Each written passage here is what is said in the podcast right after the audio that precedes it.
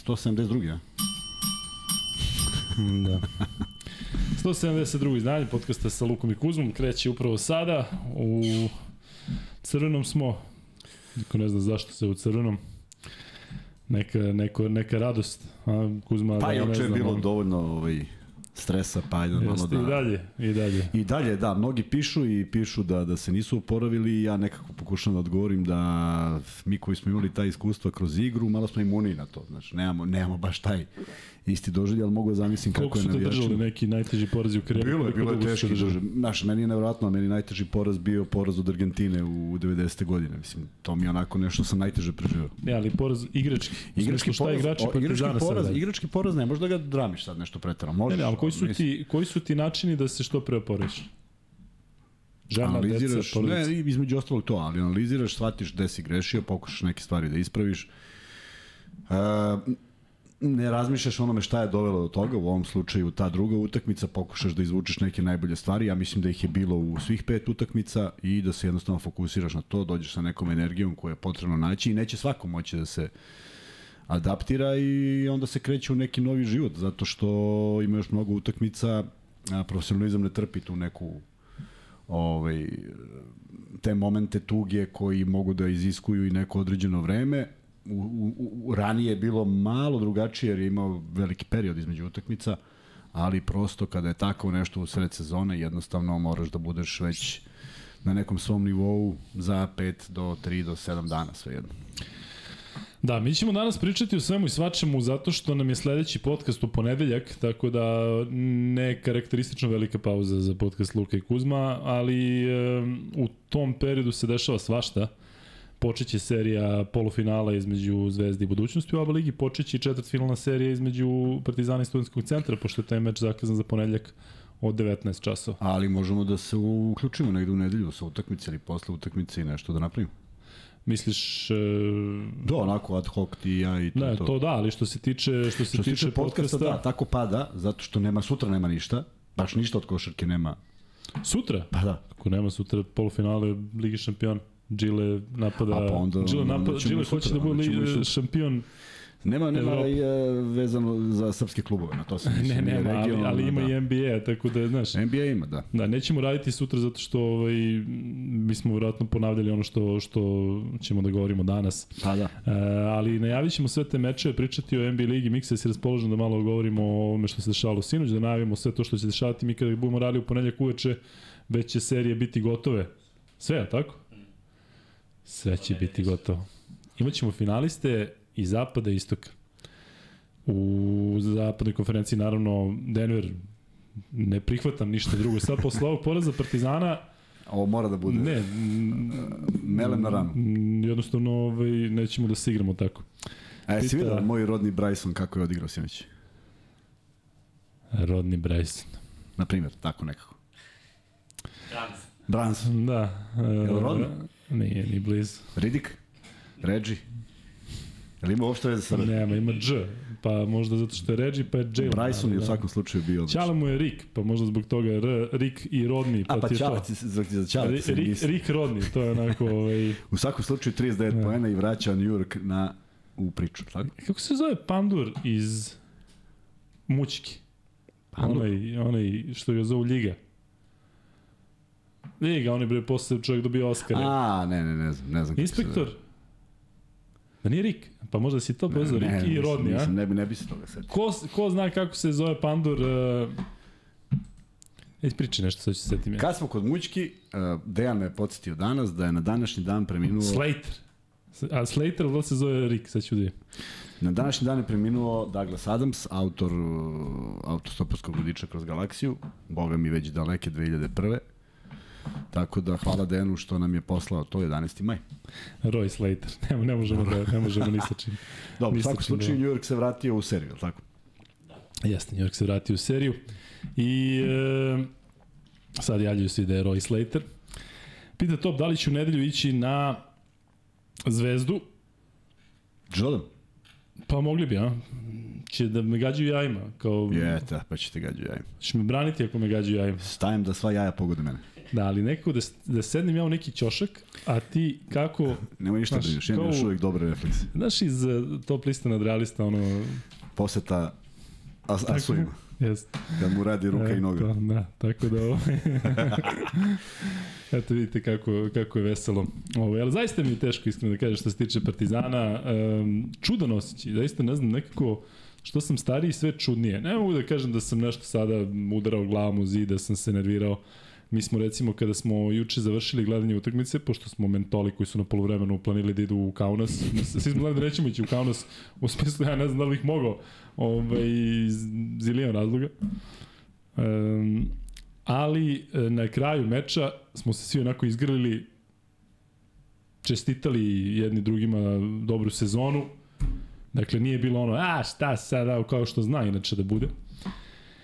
Tako da, ovaj, e, šta znam, biće to, biće to jedna zanimljiva budućnost Partizana ako ostane ovaj tim, ako se ostane gro ovog tima, ako se tu pojača, dakle jednostavno mislim da je Partizan pokazao da može mnogo, ja se zaista nadam da da će to biti sve bolje i bolje, dakle plus 16 u majstorici protiv Reala na poluvremenu, dakle jedno, pol, jedno dobro, solidno poluvreme. Ne znam, znaš šta, ne pamtim kako su, dugo ma kako da je dobro, Partizan, to da je Partizan 55. odigrao slabije poluvreme dugo. Znaš. Da, da. Ono Olimpijakos kada je dobio 20-30 razlike, Ne, pa ono ne, nešto to je i opet ništa, ništa to nije bilo. Šta, pa i Olimpijakos je to ono kada je pobedio Olimpijakos bez pola tima kad je bio. Tako je, pa ne, govorim, znaš, ne mogu sad, Ne, znaš šta ne, je to ništa, bilo. ništa slično, čak ne poluvreme. Poslednja četvrtina je 7 razlike za Partizan. Ulazi se u četvrtinu. Da, ali već je taj momentum, znaš, Taj momentum je prešao, tako je, ali se vidi, videlo, znaš, videlo se kod ovih dedova da... 18, 10, 16, 7 i četvrta četvrtina počinje sa 7. I faktički zaista, zaista, eto, taj, taj šok koji si u stvari, eh, koji si, na koji si Metijas uh, ukazao, da je Partizan imao tako loš šut za dva pojena. Da, nisam, ja sam, znaš, ne primetiš, znaš da nije to baš nešto sada... Ali mi nije stigao free bet, Ozir. Tebi, jel? pa ne da sam pogodio. E, srećem. Evo ga, Nenad Janković KG kaže, imam 4 od 5, Zlatibor zove. Znači, čeka se još, Džile. E šta si igrao, Nenade? Ajde, javite se vi koji imate 4 od 5 da vidimo Igrao sam koliko 1 i si 2 sa želinog 1. Da, da, da, da. Imam dvo, dvoznak. Jedan dvoznak, se zove, da. sam odigrao jedan Ali ako ode u produžetak, onda mu poništamo. Poništamo svima, pa da, Da. više. Poništamo i onima koji su dobili ako ode u produžetak Jill. Podrazumeva se. Dakle, radimo sve protiv vas da ne odete na Zlatibor. E, bez zezanja, drugari iz Galensa šire ruke, kao što je Kuzma stavio sve vremenu naslov, Zlatibor širi svoje grane. Koja je to pesma? Koja je, šta veš? Ja znam, Zlatibor je piti taru pa i... da, prita, da ne, da primi partizane, to je ovaj narodno slobodilačka. Da, ja, znaš da sam ja poslednja uh, generacija pionira, dakle 82. Stvarno? godište, poslednja generacija pionira i stavio se da nam one kape i marame. I, i kakav je osjećaj, I- I... priznaj? Pa osjećaj je bio takav da smo ih skinuli tada i više nikada nismo stavili, zato što je već, E. već te 90 i e, prve je sve krenulo ovaj, malo, pro, malo drugačije u tom pravcu. Četvrto jedan. Zbor. Prisutni svi. Znaš kako je bilo lepo, čoče? A svi onako kapice i, i, i maramice. Sad ovdje krenu ovi, da te, kad krenu navijači partizana koji te inače Prva pe- ne vole kad kažu put, bilo lepo, ovo sad, sad si završio. Kako navijači partizana? Pa partizani, pa čoveče. Pa ne, ali baš zato i... Kako ironije. Da. Ovaj, bila je pesmica Marame, marame, crvene boje. Recite nam, molimo vas, da li nam lepo stoje. Marame, marame, što su nam dali zato što smo lepi, veseli i mali, na primjer. Tako nešto. Pa šta mi je ostalo? To je prvi razred, imao sam recitaciju. Meni iz prvog Da, da ljudi razreda... misle da se mi ovo spremimo, pa ja u pet. se ja kad- podsjetim ove pesme. Kada bi, kada bi znali koliko ne spremamo ništa, koliko apsolutno ništa ne spremamo. E, dobro. E, ajde da sad A, krenemo pitate malo. se, izvini, pitate se zašto je tri mesta, zašto očekujemo jednog momka da dođe. Da, ali da se ne nadate da će doći Jordan. Nije Jordan, doći će Džangir. Džangir će doći. Odmah da vam kažem. Ako dođe, doći će Džangir. A, hoće da sedne, rekao da će da sedne. Ja sam ga zamolio sedne ovoga puta. Znaš, Pa prošli put je došao i rekao neću da sednem. Donosi Dobro, najbolje ćevape, donosi nagradnu igru za gledaoce. E da, Kuzma, predstavi to da Pa to bismo će onda držali. predstavi, čekamo. Ali imaćete priliku da um, dobijete Biće dakle, tako. nagodna igra. Dakle, svako ko bude, imaćemo jako težak kviz i svako ko pogodi dobije jedan ćevap. I da. čeka ga odu. Ali vredi, znaš kakav ćep? Kažu najbolji u gradu. I, i pritom je to taj ćevap koji već... Tu kod nas. Da. Tu je kod nas i čuvamo ga. i- Dakle, 24 sata će raditi Infinity Lighthouse, tako da Imaćemo ovde jednog plaćenog koji vam otvara vrata kako kucne, uzme ćevap, I beže. vrati se, posebno vi koji ste, recimo, niste iz Beograda, slobodno ovaj, Džangir će doneti šest nekih, nekih nagradica, šest ćevapa. što- šest ćevapa. Koliko sam ja njega razumeo, samo da nam kaže gde je, pošto je promenjena lokacija, bit će tri, tri za dvoje i tri za četvoro, tako nešto. Već smo Ali delili, da, oni koji su sa nama da. dugo, već ste jeli Nadam se, niko se nije javio, je. Javite kakvi će vapi ljudi. Mislim, mi Niko se nije javio kako će ćevapi, pa, da su uzeli nagrade. Pa, pa i kažu da jesu, mislim, niko se nije javio da nije. Ne znam da li su bili, valjda jesu. Da. Čisto, a volimo da znamo, čisto ovaj, da, li da, da li mi da odemo da se prijavimo ako više niste išli. da. Mi ćemo čas da se odvalimo od Hasa. Ima neke rakije. Džanger donosi. Pa evo je rakije kako nema. Ne? Kod mene čini mi se da nema. E, ljudi, ajde sada malo da se igramo i sa vama, odnosno da dogovaramo neka pitanja. Dakle, znate da je Partizan aktualno, mi ćemo pričati o onom što se dešava narednih dana, ali volili bi da, da se da se eto, malo sada ispričamo i sa vama, zato što znate da je prethodnih dana zaista bilo puno ljudi u live-u, puno ljudi je komentarisalo, pa je molio da se banuje, pa jednostavno nije bilo možda uh, pravog momenta da sa vama komuniciramo ovaj, kao što inače volimo, tako da slobodno sada postavljate pitanja, naglasite da li je za obojicu ili za jednog od nas, tako da što se tiče Partizana, što se tiče bilo čega drugog, a ono sa čim bih ja volao da počnemo, to je nastavak te sapunice oko kampaca. Dakle, javljaju se ponovo neki svetski mediji, uglavnom španski ili argentinski, za koje bi mogli da kažemo da su u ovoj situaciji možda i najmerodavniji, iako nekako deluje tabloidno, ali ako on treba da pređe, odnosno da se vrati u Španiju, Argentinac je nekako i najlogičnije da je tim medijima i najinteresantniji. E, razmišljao sam danas nešto i volio bih tebe da pitam e, da si Campazzo, ti, da si Facundo Campazzo, koji bi tvoji bili razlozi ostanka u Zvezdi, a koji odlaska iz Zvezde? Prvo da sam Kampaco, izašao bi sa izjavom. Rekao bih, jeste, da, dogovorio sam se, cepam ovde do kraja sezone, ili nisam, to će sačekati neka druga vremena, to bi uradio. A, za ostanak Kampaca bih mogao da da mi jedan od razloga bude način na koji sam primljen. Mada, kako bih rekao, profil tog igrača bi bio svuda Ali ima nešto što je strast, nešto što Argentinci dele sa nama, doduše oni u futbalu mnogo više, na reprezentativnom nivou u košarci, ali futbal je nešto što je njima pasija. E, sve te neke veze koje postoje u nekoj sličnosti, pa čak i onaj fantastičan film Emira Kusturice o Maradoni i ta neka povezanost koja je gajena i neka priča o Argentincima, neki rivalitet sa Argentincima i pojavljuju se dvojica zaista par excellence igrača, jedan, jedan mi je ubojiti od drugog i više bi voleo da on ostane. Ovaj, ostao bi iz tog razloga. Ako je ugovor, naravno, reda veličina za koji kažu da je fenomenal. Ako je ono istina, onda sledeće, sledeće, ovaj, sledeće pitanje je, čekaj, ideš u, u Real za, kako kažu, mnogo manje para, koji bi onda motiv bio. Opet može da bude neka lepota života u Madridu. Ali bio je tamo, otišao je odande, nešto je postojalo prošle godine zašto se nije vratio. Sećaš da je bilo nešto, neko kočenje, nešto obeštećenja, neki Jeste. nešto. I sad odjednom ta vest, razne. da, neke klauzule i sad odjednom ta vest kao u sred sezone koja se još nije završila, se saopštava to. Ajde da vidimo, ja bih volao, kažem, da vidim njegovu izjavu, čisto da, da odagne neke, neke spekulacije, ako jeste, bože moj, život ide dalje, ali ako ima financija, strast prema košarci je ono pravo, mislim da a, poziciono Beograd pripada jednom prilično dobrom delu Evrope što se tiče putovanja, Dakle, nije ništa manje ili više naporno, možda čak ima i delova sveta iz kojih je napornije doći. Pa sigurno iz Madrida napornije doći do, do Moskve ili tamo Kazanja kad se igralo nego, nego iz Beograda, tako da i tu negde pričaš o nekom skrećenju vremena koje posvetiš svom životu, svojoj porodici u jednom gradu koji je sigurno gostoljubiv, ja verujem da su njemu sva vrata otvorena, ako ga iko prepozna, verujem da ga u, onako doživljavaju kao svog, tako da ima mnogo razloga i još jedan od razloga koji bi vrlo bitan bio jeste ko je trener, šta se od mene očekuje, ko, šta pravimo od ekipe, ne da on određuje, nikad ne bi dao da igrač kaže pera ili đoka, ne to, nego jednostavno da se vidi koja je vizija, koji su planovi, šta se radi, koja je igra, je li to ta igra koja njemu odgovara, je li to neka drugačija igra. Kako tebi deluje? Sa strane. Meni deluje da bi, da, da, šta mi, kako mi deluje sa strane, Dakle, da li njemu odgovara sve? Da, da. Mislim da se on ovde prepoznao, mislim da je dočekao da krene, mislim da bi Zvezdina sezona bila drugačija da je krenuo bez onolike pauze. Mislim da je naoštren da, da uradi nešto ovde, jer mi deluje kao čovek koji je gladan igre, gladan trofeja, gladan pobeda. Da li njemu ide na terenu ili ne ide?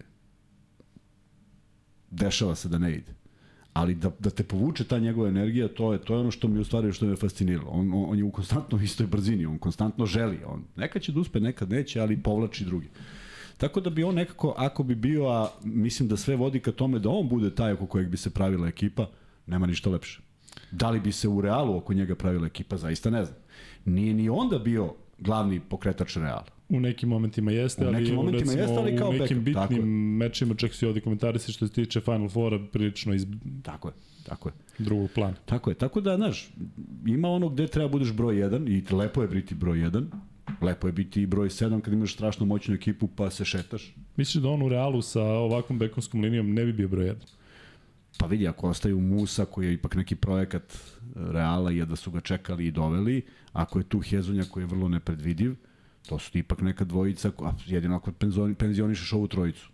Da, ali oni idu, idu ka tome da će sve manje igrati, ako ostanu, Vrlo ako moguće, ne odu u ali- penziju. Dakle, meni nekako njegov boravak u Realu deluje prirodno u smislu da on tamo ipak sve zna. Nije se mnogo menjalo iz onog njegovog perioda, u smislu tu su neki Stajčius Mateo je bio mm. e, pomoćni trener, tu su neki igrači, dakle on mislim da se vraća u sredinu, ako se vraća, da se vraća u sredinu, gde jednostavno neće biti nekog perioda navikavanja, a možda sad to za njega jeste prilika da bude broj 1 zato što je svoje vremeno, kao što kažemo, bio nekako povremeno u drugom Dobro, ima ima smisla, ali gledaj sad ovo. A, pošto postoje nagoveštaj da, se- da odlazi Ćus Mateo. A, to znači da već znaju ko je trener. Misliš ovo sa Skariolom što se priča i to? Da. Znači, on je mora da zeleno svetlo, da to bude kampacu. Ako su otišli toliko daleko i ušli u pregovor za sledeću sezonu dva meseca pred kraj svega, ok, možda, bilo moguće. Da, da, da li misliš da se stvarno govori o odlasku Ćusa Matea u Realu? Za čoveka koji je Mislim pobedio da da. Željko Bradovića od 0-2, 3-2, Nema iako to recimo osvoje titulu, stvarno misliš da može da se desi da... Ne verujem da će ostati. Da. Ne verujem samo zato što, što je veliki rizik bio ovo što je Real uradio. Isplatilo se samo zbog prevare. Prevare maestralne, ne može da kažeš da nisu uspeli u onome što su hteli. E, vala si ga rekao, kao, ja ga ne bih bolje rekao. Ja ga ne bi, ne bi ga emotivnije rekao, dakle, Je li tako? Real Madrid je prošao dalje zbog prevara. Jeste. Čista Tako je, tako je namagarčili su ove i to je to. prevarantska bagra. Jeste, i, uspeli e, su, imaš... Iskrene čestitke za plasman na Final. Naravno. I sad zaista se postavlja pitanje da li će da li će ovi momci koji su evo izneli i ovu utakmicu ostati. Zašto negde mora bude kraj. A mislim da da koliko je ako se sećaš Olimpijakos trpeo sa posljednjim godinama Spanulisa, toliko će i Real može da se desi bez obzira što je na Final Four. E Sad jedino ako se desi čudo, ali stvarno onda mora bude čudo da Real u ovakvoj fazi sa ovakvim ovakvom formom u kojoj su pet utakmica odigrali dve i po četvrtine na nekom nivou koji je potreban da konkuri, da parira možda, možda Olimpijakosu ili već ovim ekipama na Final Fouru, ako prođe i osvoji svaka čast. Mislim, nemam šta da kažem, ali mi, ali mi malo izgleda deluje. Mada smo u košaci je sve moguće, nije uvek da je favorit e, i bio prvi, ali nekako ne vidim, ne vidim uopšte tu snagu. Ne vidim da ti primaš svaku utakmicu 95 poena. Doslovce svaku. To znači da će neka ekipa koja bude imala malo više fokusa u odbrani ili možda više igrač, jer možda da Partizan ima tih 12 koji će, još trojicu koji će rotiraju samo da da štemaju bez greške, pa je već, već dovoljno dobro. Da, njima je ta Unikaha dala 90 poena To ti u, u, u porazu. To ti kažem. Tri dana pre Partizana, dakle, jeste odbrana zaista što se tiče Reala, nije akcenat na odbranu. I, i, i, mislim, kako bih ti rekao, imaš, imaš onih momenta koji se poklope u karijeri, hmm, pokušat ću da plastično objasnim. Ta prva utakmica moja, prva moja utakmica u, u karijeri u prvoj ligi je bila OKK Beograd Zvezda. I ja sam strpljivo... Džangir igra tada igra. Nije, nije, Džangir je mlađi. Ja sam strpljivo sedeo do 7 minuta pred kraj, ušao i dao 9 poena. Niko nije obratio pažnju na mene. Mi smo pobedili zahvaljujući tim poenima. Potpuno mi deluje, pošto sam ja išao, nisam ja ušao kao 12. izmena, to jest kao sedma izmena. Nego je petorica bila na terenu, pa se promenili 6.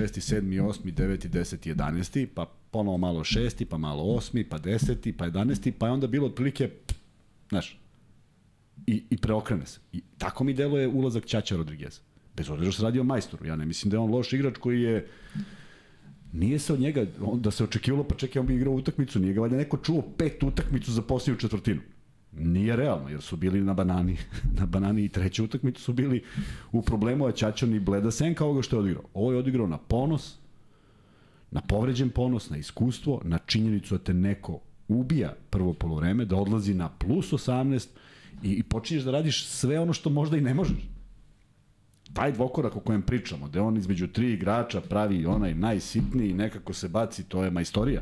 Ali to, kako bi ti rekao, nije, nije nešto što je sigurno se zaletao i planirao baš to da uradi. Ali misliš da je to bilo planirano ili ne? Njeg, ne, njegov, njegova ne uloga, ne. njegova ozbiljnija uloga, pa sad već kad ga je krenulo da ovo. Ne, zato što ako gledaš Ljuljovo, Ljuljovu igru, ulazi kao, ok, ti si Ljulj, ajde uđi i to je to. I ti imaš završnicu sa tri najstarija igrača koji stvarno neverovatno. Ovaj daje 13 poena, ovaj daje dve trojke, ovaj vata dve Jest. ničije lopte. Mislim, možeš da pripišeš iskustvo, ali ta druga Ljuljova dvojka, pa čekaj, takvih četiri izbacio do tog momenta i nije pogodio obruč ni jedno verovatnoća da uđe u nekom samo njegovom ludačkom samopouzdanju. Pritom je Rudijeva uloga bila još veća u smislu da su ono njegova tri pojena koja dao Musa kada je izvodio slobodno bacanje umesto njega tako, zbog ramen. Tako. I onda povratak na teren. Povratak na teren, lopta se odbija u tri jest. igrača i pada njemu u, u, u ruku. Da, vidiš, sviđa mi se ovo zato što obično kada počnemo o, o Partizanu nekako dođemo do Zvezde. Viš kako je sad obrnuto, Kampac da ostaje u Zvezdi, a dolazimo kako do, do, do Partizana. Da. 172 podcasta sam. čekaš. Um, ima pitanje, odnosno prvo da pozdravimo Milana Bačića koji e, se javlja iz Kišovitog Tirula, donira i kaže mali doprinos za veliki spektakl na Adi. E, hvala ti, pričat ćemo kasnije o tome šta mi planiramo, ali bi volili da čujemo i šta bi vi voleli da vidite u tom celodnevnom panelu. šta vi planirate? Ako želite, recimo, želite neke animator ili tako nešto javite. Ove, ali u svakom slučaju, eto, imat ćemo ta neka takmičenja, imat ćemo nagrade, imat ćemo sve, ali nikada nisu na odmet dobre ideje i kažem, voli bi da, da, da čujemo i vaše mišljenje kako bi između ostalog trebalo svi zajedno da provedemo taj dan. Juče je Kuzma rekao da to će biti ili krajem maja ili početkom juna. E, tempirat ćemo da, gledat ćemo da bude neko, neko, neki bolji dan u smislu vremenskih prilika. A što se tiče Milana, kišoviti, kišovito u Tirolu, veruj mi, nije ništa bolje ovde u, u regionu, tako da nije baš neko vreme. E, Kuzma, što se mene tiče, ja sam siguran da će na, kampaca, na kampacu odluku da utiče suspenzija koju je dobio.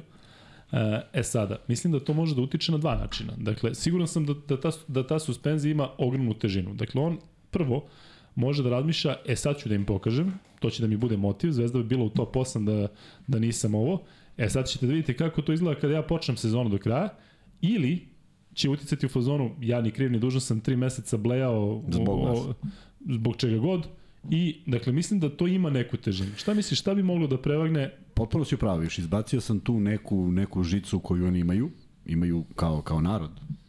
I nekako oni ne trpe tu neku nepravdu i se, se, se, Maradonina borba je do kraja života bila ta neka antiimperialistička borba i sve to. Tako da oni imaju tu žicu koja, koja prija kada, kada je, pogotovo kad je sport u pitanju. I da, možda oni znaju nešto što mi ne znamo, tako? Možda, možda se zna ko je vuku glavne konce. Ti znaš da se stalno spominjalo da je među njima najglasniji Real. Da. Pa i onda, i onda potpišeš ugovor pre završetka sezone baš za taj klub koji je pravio najviše problema. Nešto nije u redu. Ili je nas neko zamajavao, ili je ovo opet nova neka, neka informacija koja nije, nije utemeljena ni u čemu. Ajde da vidimo. I kažem, prvo, prvo, što, prvo što stvarno bih kao kampacu, i da jeste istina da nije, izašao bi nešto bi rekao. Dobro, on je rekao, rekao, nisi zadovoljan što je rekao, dakle, hoće da se ko, potpuno koncentrišem na igru i da tu mi je fokus. Rekao pre, kada je to rekao? Danas? Rekao je dva puta, poslednji put pre recimo desetak dana. A, ne, da, to sam video. Da. Nego sad opet ide nova informacija, ovo je sad definitivno. Samo nešto da. kažeš, mislim, znaš, nešto, snimete ono u 4 sekunde kao, pst, znaš, evo, bukvalno tako. Ali šta je tu je i nadam se, mislim znam koliko Zvezdi navijači žele da ostane i koliko vide njega u, u ekipi sledeće godine. Taj odnos Duška Ivanovića za kojeg bi ja želeo da ostane i nadam se da ima ugor, mada to ne, ne, ne znači imaš ugovor ostaješ, nego ža, zaista želim da ostane sa uslovima koji su mu koji treba da budu pravljenje tima koliko on sigurno može da privuče nekih igrača, nekih imena, nekih e, interesantnih imena, nekih igrača koji su pre svega timski igrači, neki koji mogu da imaju više slobode i tako dalje, opet znajući tu neku njegovu mm, tradiciju vezanu za argentinske igrače. I zaista ne možemo, možemo da pričamo da su javljali igrači kojima je on prijao i nije prijao, ali argentinski igrači, ja mislim da ne mogu da kažu ni jedan ne može da kaže da ima bilo kakvu primedbu na to kako je bilo kod njega igrati. Pitanje je da li smo ispratili finale VTB ligi, ja iskreno imam malo otpor prema toj VTB ligi nakon ovoga što se desilo sa Švedom. I jednostavno to mi je nekako u centru pažnje, video sam da je naravno Unix pobedio Lokomotivu Kubanj. I čuo sam, nisam gledao da je bila neka ovaj, suluda završnica. Um, Kuzme, još malo o Kampacu, da li je um, ono što si već odgovorio, pa si um, dao svoje mišljenje, postiću ljude da kada sam te pitao da li je on, njegov ostanak na neki način povezan ili utiče odlazak Vildose, ti si rekao da mnogo više utiče uh, to ko je trener i da li ostaje trener. Tako je, tako je. I to je nešto što što zaista deluje ipak kao kao presudni faktor. Jeste, vidi, teško ti je, teško ti je da se rastaneš od nekog saigrača s kojim ide. S kojim ide dobro, s kojim se razumeš, s kojim ne moraš da se dovikuješ. Imao sam eto tu sreću da sa jednim čovekom igram šest godina. Veliko zadovoljstvo. U pitanju je naravno Milenko Topić, tri godine Beočina, jedna godina Zvezde, dve godine budućnosti. Znaš kad znaš... Da ne odeš sada u, da igraš za ovaj Beach Whale. Pa, nikako da me pozove. ovaj, I bilo je zadovoljstvo. Znao sam tačno gde je, znao sam šta radi, znao sam da me gleda, znao sam da me uvek gleda, znao sam da ne moram da ga dozovem. Znao sam, ne, sve sam znao. Pa smo to, nećeš verovati, još na veteranskoj utakmici eksploatisali 2014. Dakle, od naše posljednje utakmice 2001. 13 godine je prošlo. Opet nisam mogu, morao da ga dozivam, niti on mene, jednostavno smo igrali igrali smo protiv nekih, nekih Ukrajinaca, ljudi su nas sačekali posle utakmice i pitali ko, ko ste vas dvojica. Jer ne mogu da ti objasnim kako smo igrali onako baš kao u najboljim danima, a pritom željan iz faze mirovanja, to je ono šest utakmica za 5 dana, mislim, posle sam se lečio neko vreme, ali hoću da ti kažem da, da, je, da je veliko zadovoljstvo kad imaš. Nisu Campazzo i Vildosa baš provodili toliko vremena zajedno, pa da kažeš igrali su sezone zajedne, zajedno, nisu. Lepo je što se razumeju, lepo je što mogu da se pogledaju, lepo je što imaju neki svoj način komunikacije, ali ne treba da bude, mislim, zamisli, pojavi se podjednako kvalitetan igrač. Zamisli sada, ne zato što mislim da postoji mogućnost da Panter pređe u Zvezdu, nego zamisli igrač kalibra Pantera dođe i šta sad Kampacu malo glupo da igra s tim, šta? Pa zamisli da, da bi ga našao, da, da, našao bi ga gde god hoćeš da šutne, tako? Jeste. E, da malo, možeš mikse da staviš pol da li mislite da ćete da li mislite da će Kampaco ostati u Zvezdi? Samo stavi da ili ne da vidimo šta naša publika misli. Kada dođemo do 500 lajka, ispucamo prvi free bet, e, videćemo danas malo da šaramo da to bude nešto onako ovaj raznoliko da se možda ni ne vežemo toliko za Zvezdu i Partizan. E, pitaju, pitanje za obojcu, pogotovo za Kuzmu. Da li Ristić kao potencijalno zvezdino pojačanje može da odgovori zahtevima Euroligi? Da li može? Da odgovori zahtevima Euroligi Ristić? Ne. Gde njega vidiš? Šta misliš da je prava mera za njega? On je odličan igrač. On je... Ajde, jel ti, jel ti deluje da svoju igru može da igra kao Brudzijanski? E, da, mislim da je tačno, tačno jel, taj jel tip. To, jel, da, jel može da kaže da... Tako. Jest. I on se okrene, on to lepo položi sve, izvuče, pogodi. Znači, kako bih ti rekao, u jednom svom okruženju to radi fenomenalno. Ja mi, ne kažem da on ne može da, da, da, da, da uđe u sistem treninga i ritam utakmice i da se svaki dan cepa sa Dunstonom i tako dalje, tim nekim falom i tako dalje i da posle godinu dana bude 10, 15, 20, 22, 24 procenta bolji igrač. Ali to treba vreme. Ne možeš da napraviš tim i da kažeš aj sad. Ne ide to tako, jer igraš, igraš drugi nivo košarke. A stvarno je velika i velika razlika između Evrokupa. Evo, svi koji su pratili Evrokup, ti si ga prenosio, nažalost, si, nažalost si prenosio Evrokup. Ali sam si video koja je razlika. Kako biš nažalost? Pa, mislim, žao mi što nisi prenosio Euroligu. Da, to je već neka druga priča. A dobro, finale Eurokupa nije za baciti, recimo. E, ne, ali sam si primetio različitosti. Kako Znaš, ti gledaš jednu utakmicu, radiš Euroligu, ti, ti, ti, tebe povuče da kažeš neki faul, yes. tako, a onda gledaš drugo, kao neko drugo takmičenje. Da, da, i zato Gran Canaria mi je enigma, dakle oni sa ovim timom će imati dve pobede, eventualno. Pa neće, oni sad možda idu opet u surdukavanje da, para. Pa, i... znaš, u suštini, ovaj, razmišljam kakva je politika Gran Canaria. Dakle, ušli smo u Euroligu, da li je daj pare, pa da sad dovodimo koga stignemo, ili ovaj tim koji je osvojio to Evroliga da nam bude ovo. To Evroliga neće. Razmišljam i o Jaki Lakoviću. Da li on trener koji je kalibar za Euroligu ovako rano u njegovoj trenerskoj karijeri. Ali vidi, oni ti kažu, oni ti kažu da je budžet odmah toliki. Da, da. Ti sad kao, šta sam, kao, e, obezbedio sam 8 miliona, ali neću da, da platim. Pa mislim, oni traže da se pojačaš. Ali vidi šta se izgubilo u posljednjih, sad samo pređemo malo na Euroligu, šta se izgubilo u posljednjih godinu dana koja retorika ne postoji. Je se sećaš da je bilo, da je Eurocup u stvari ima samo jedno mesto, jednu godinu za garantovan. Da. Da bi igrao sledeće godine, mora da bude bolji Bolje od prethodnog. da. Virtus ne može da igra po logici stvari. Što je njemu ponuđena wild card? Kako znaju da je njemu ponuđena wild card? Pa što nema više, ne, nema, ja nema pričam. učesnika, nema i kažem, kandidata. Tako je, ograničeno je. Da. Prosto imaš 20 timova i to je to. E, da li je vreme da Eskevičius dobije Real, pošto se sastoji u polufinalu, po mene su šanse 80%, kaže Allen Iverson, ako se ne varam, malo Nemačka, malo Arilje, a, ali ne, ovaj, demantovat ćeš me ako nisam pravo. Arils. Alen Arils. Da. Šta misliš, gospodin? Uh, mislim da je vreme. Mislim da je vreme da se Barcelona ovaj, okiti trofejom posle dva neuspeha. Mislim da imaju veliki izazov i da su trenutno u svakom segmentu bolja ekipa, da li će to pokazati, nije Barcelona pokazivala mnogo toga na prethodna dva Final Fora. Mislim da je sad, ako, ako ranije nešto nije bilo u redu, sad deluju da je sve u redu i, i vidjet ćemo da li će imati. Obično mi deluje da mm, u, u, u tom periodu u sezoni najna, najnapregnutiji je Jasikevičius.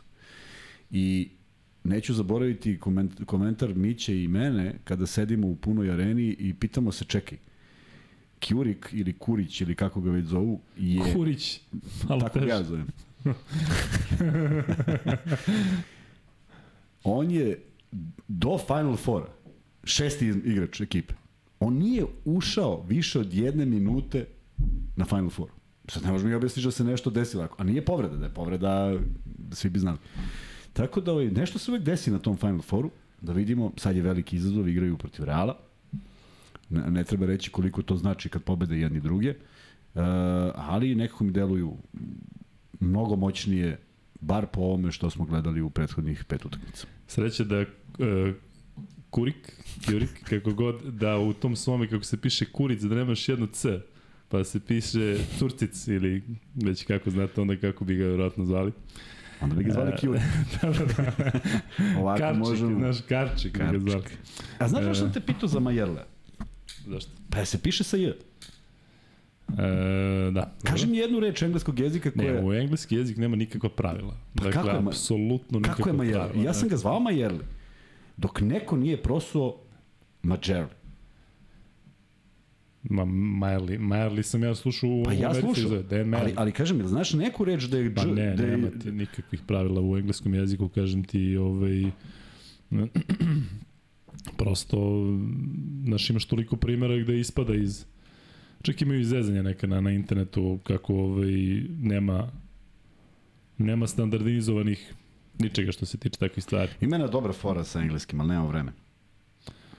Samo ću Samo reći sledeće. Samo reci kako nemamo Samo, vremena. samo ću reći sledeće. Dakle, Englezi se sprdaju da reč fish, fish, Da. može po pravopisu engleskom da se napiše i drugačije. G-H-O-T-I.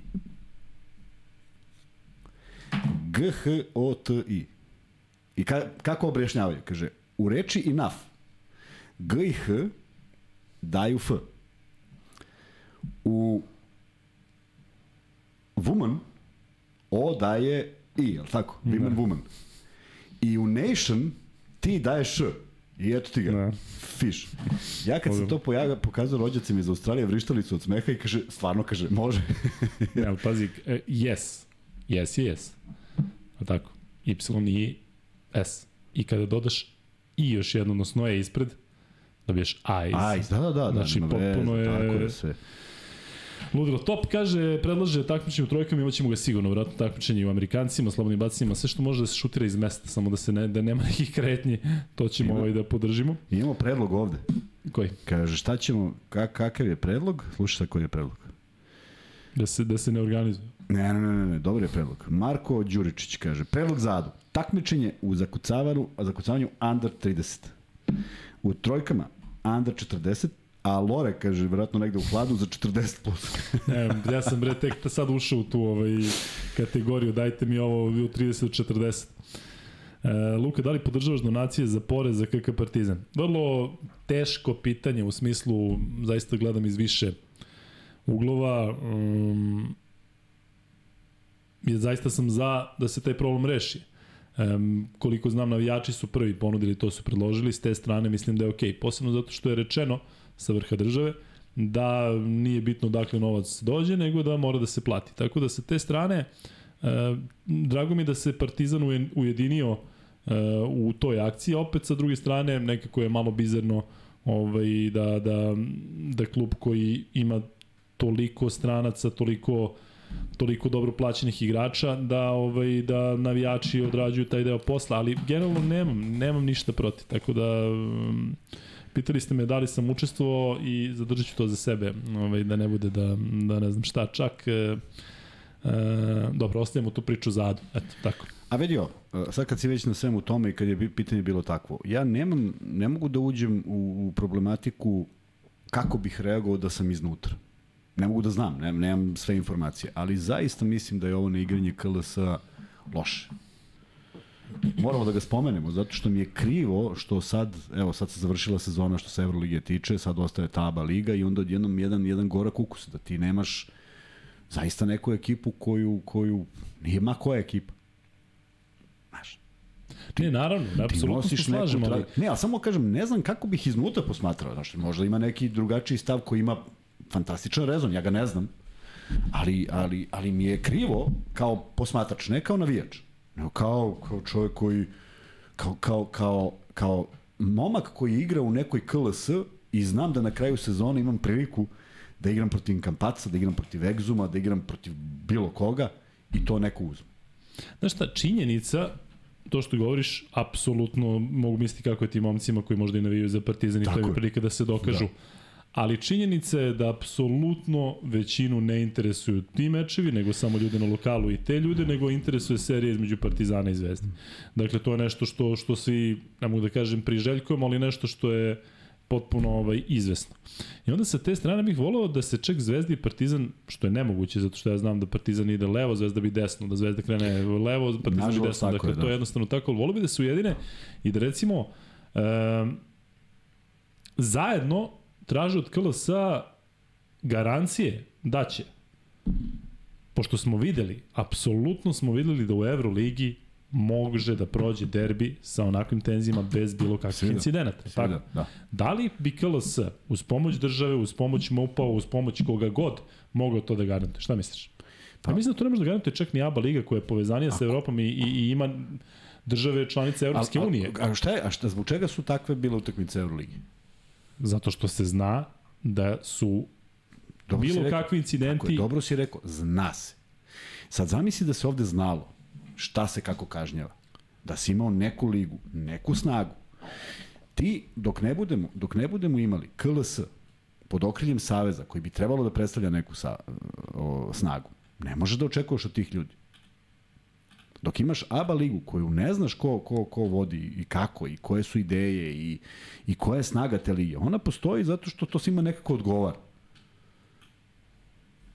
Nije mi dovoljno, nije mi dovoljan razlog.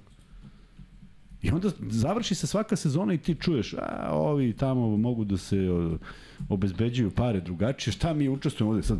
Znaš kao ispada, ispada uh, samo srpske ekipe učestvuju ono kao zašto moraju? Pa naprotiv. Ali niko nije izašao sa nekim predlogom, niko nije, jer niko neće se baviti.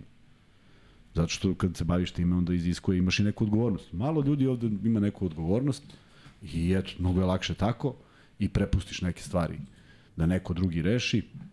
Kažem, žao mi je košarke, žao mi je činjenice da, da, da, da, da neki igrači ostanu uskraćeni za, A sad postavljam pitanje, znaš, to je, to je, ono, to je ono zbog čega je dovedeno, dovedeno unazad, pa evo sad ću ti reći od kada, od, od raspada te neke zajedničke države, da je si ipak imao kakvu takvu domaću priču vezanu za crnogorske klubove. Dobro. I budućnost bila snažna. Od tog momenta je život i smrt ko je prvi.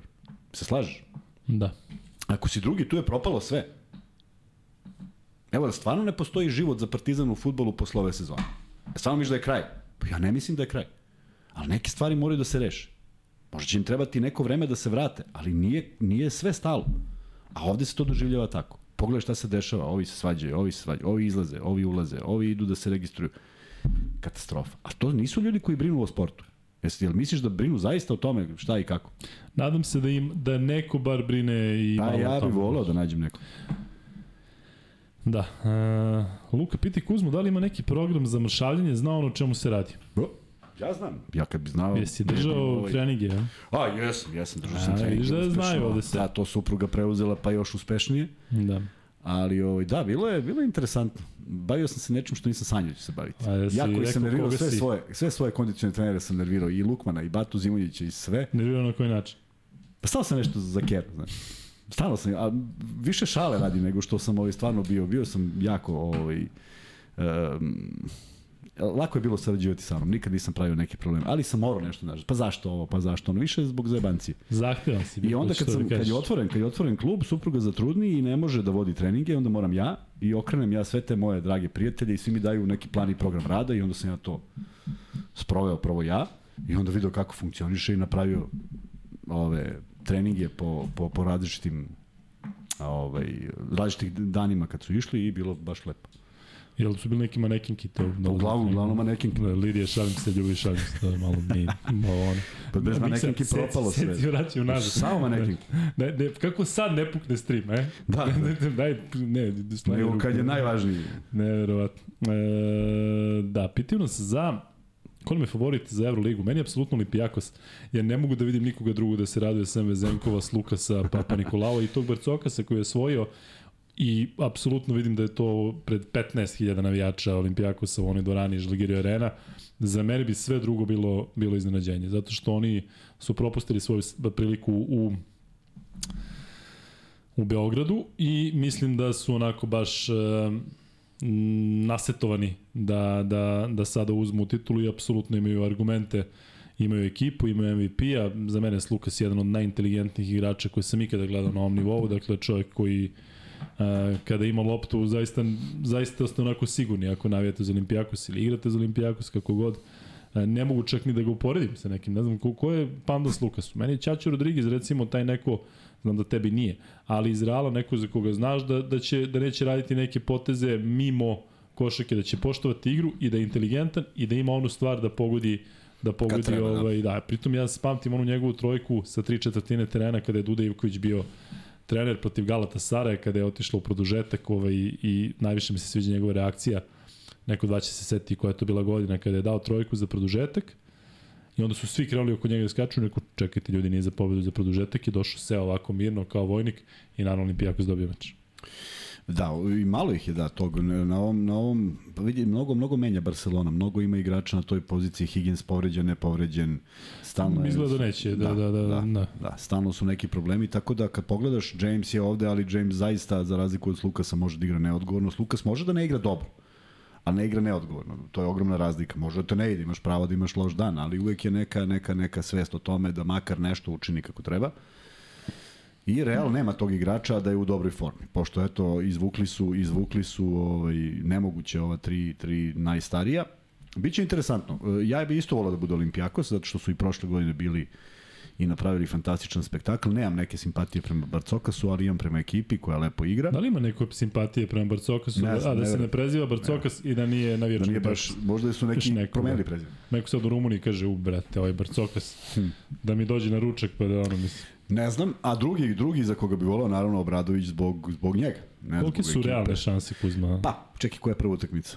Monako Olimpijakos. Da, Pa, to nam je, to su ovi naši favoriti, dakle, jedan, jedan ne ide dalje. tako je.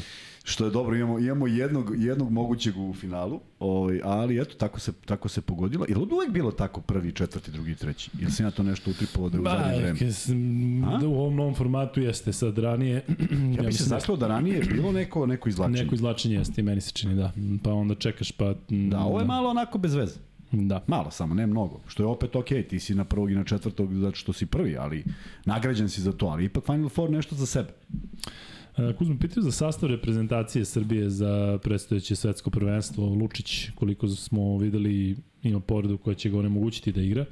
Bogdanović je rekao da hoće. E, da li očekuješ neke iznenađenja? Da li očekuješ e, onako jedan miks tih korisnih igrača poput tvog jednog od omiljenih Jagodića Kuriđe? Da li očekuješ ovaj, možda nekog mladog od ovih igrača koji idu u NBA ligi ili su već tamo, šta je, kojih je tvojih 12, a koje očekuješ od Pešića? Ne mogu 12, uvijek bi nekog zaboravio, ali... ali ne mislim da ne mislim da, da sad 12 nego regionalno da. koncept. Koncept, koncept, koncept nešto slično što smo imali, što smo imali. De, de, mislim da je bila greška na evropskom prvenstvu i imali smo mnogo povređenih igrača. Nedović se čekao i na kraju upropastio i početak so, svoje uh, ligaške sezone. Gudović... A misliš da bi Nedović mogao da bude faktor kada je tim kompletan? Dakle, ne, tu je Bogdanović, mislim, tu je... Tako je, mislim da faktor treba bude neki koji radi potpuno 15. koji kad uđe u igru ima zadatak četiri puta da prenese pas najbolje pozicioniranom igraču. To, to, je, to je reprezentacija. Ne treba da bude neko ko će da izmisli bilo šta. Zato i mislim da je nedostaje. Zato mislim da je bolje da imaš kvalitetnijeg šibađi, uslovno rečeno, nego da imaš fenomenalnog napadača koji je pritom blago povređen, pa ne znaš šta da očekuješ. I Gudoran je igrao, ako se sećaš. Da, nešto. Nešto je bio problem. Dakle, imali smo... Ne, ali ulazio je, nešto se ulazio, pojavio se. Ulazio, da, ali nije bio... Nije bio na 100%. Tako je. Tako da, eto, ajde, ja bih volio prvo da izbegnemo pehove, zato što mislim da možemo da napravimo podjednako kvalitetan tim. Jer vidi, ajde sad u tom moru, u tom moru uh, fantastičnih igrača, a imali smo fantastičnih igrača. Šta se desilo u utakmici protiv Italije? Pa zakazali su ko? Oni od kojih se nešto najviše očekivalo. A šta je najviše zakazalo? Odbrana koja je bila katastrofa, tako? Da. Pa zamisli sad da su oni svi zakazali u napadu, a da si ti cepao odbranu onako kako treba, pa možda bi bilo, možda bi bilo neke šanse. Ovako, ja volim da ima ono što je od uvek bilo u reprezentaciji, evo kažem od uvek, ali u, u velikoj većini slučajeva je bilo da se zna i da je izbor apsolutno nešto u što imaš poverenja, ne mora da objašnjavaš, da nemaš, a da nemaš ni gafove tipa Teodosić, jer je to bespotrebno sa jednim čovekom koji se uvek odazivao pozivu reprezentacije, prosto ne napraviš takav, šta je rekao ne na taj način. Ta šta je rekao Danilović? Pa nije moglo moramo na taj način. Pa naravno da nije moralo. Što napravimo na taj način? Mi ništa ne moramo.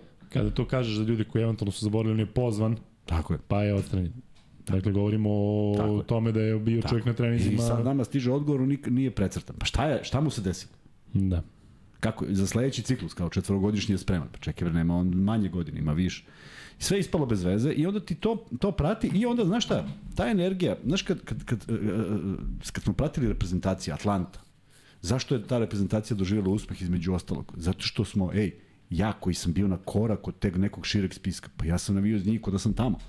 Znači, jedna energija javnosti da želiš da napraviš neki uspeh, pa se setiš kako ti je uskraćeno 92. Dream Team, ovo, ono, i u tom naboju osvojiš a ti ostavljaš prostor da navijači u Srbiji navijaju za tebe i navijaju za Tea. I onda su pomešano osjećanja. E, dobro, evo, evo sad gubimo zašto ne valjaju. I tačno kada se desio poraz od Italije, krenulo je to. E, to, idemo sad. Pa to je... Ali deluje mi da smo bili ujedinjeni tamo na evropskom prvenstvu dok smo igli u grupi, nekako mi delo da je bio... Ne mislim da su igrači da, da imali. Igrali smo najlepšu košarku. Ne, I svi mi smo nekako tako zaboravili na Teodosića u tom trenutku, zato što su rezultati ej, bili tako. Tako je, tako je. A da. onda se desi ovo i dati šlagvort, jer gledaj, ti imaš pravo ako ješ, ljudi, imamo koncepciju, Teo majstore, igramo utakmicu u, u Stožicu, Stožicu, tako Stožicama. Stožicama u Sloveniji, da bude tvoja opuštena utakmica. Ej, Krem se skupio košarkaški, još bi došlo tu košarkaša i on može se pozdraviti sa reprezentacijom, malo mu tužno, krivo što ne ide, ali eto, to je to. Ali, znaš, kako da kažeš oproštena utakmica, možda Pešić više nije trener, dođe Pera Perić i Teodosić je vrati. Po, ne, oproštena utakmica za ovaj ne, ne, možeš, možeš, možeš da kažeš, ej, ne planiram te, ali bilo bi lepo. Eto, aj, u, u tom, ajde, da. da, ajde u tom smislu nešto drugačije, neki spektakl, nešto da nekog iznenadimo, jer ti kad dobiješ tu podeljenost, svi čekaju da napadnu. I onda, I onda na sve to, zaista mi je krivo. Ja, ja evo, opet o odgovornosti. A, Darko Ruso, kada smo bili u Grčkoj, kada odigramo utakmicu u Atini, dođe čovek koji iz Atine, tamo su mu roditelji, i kaže, jel mogu da ostane?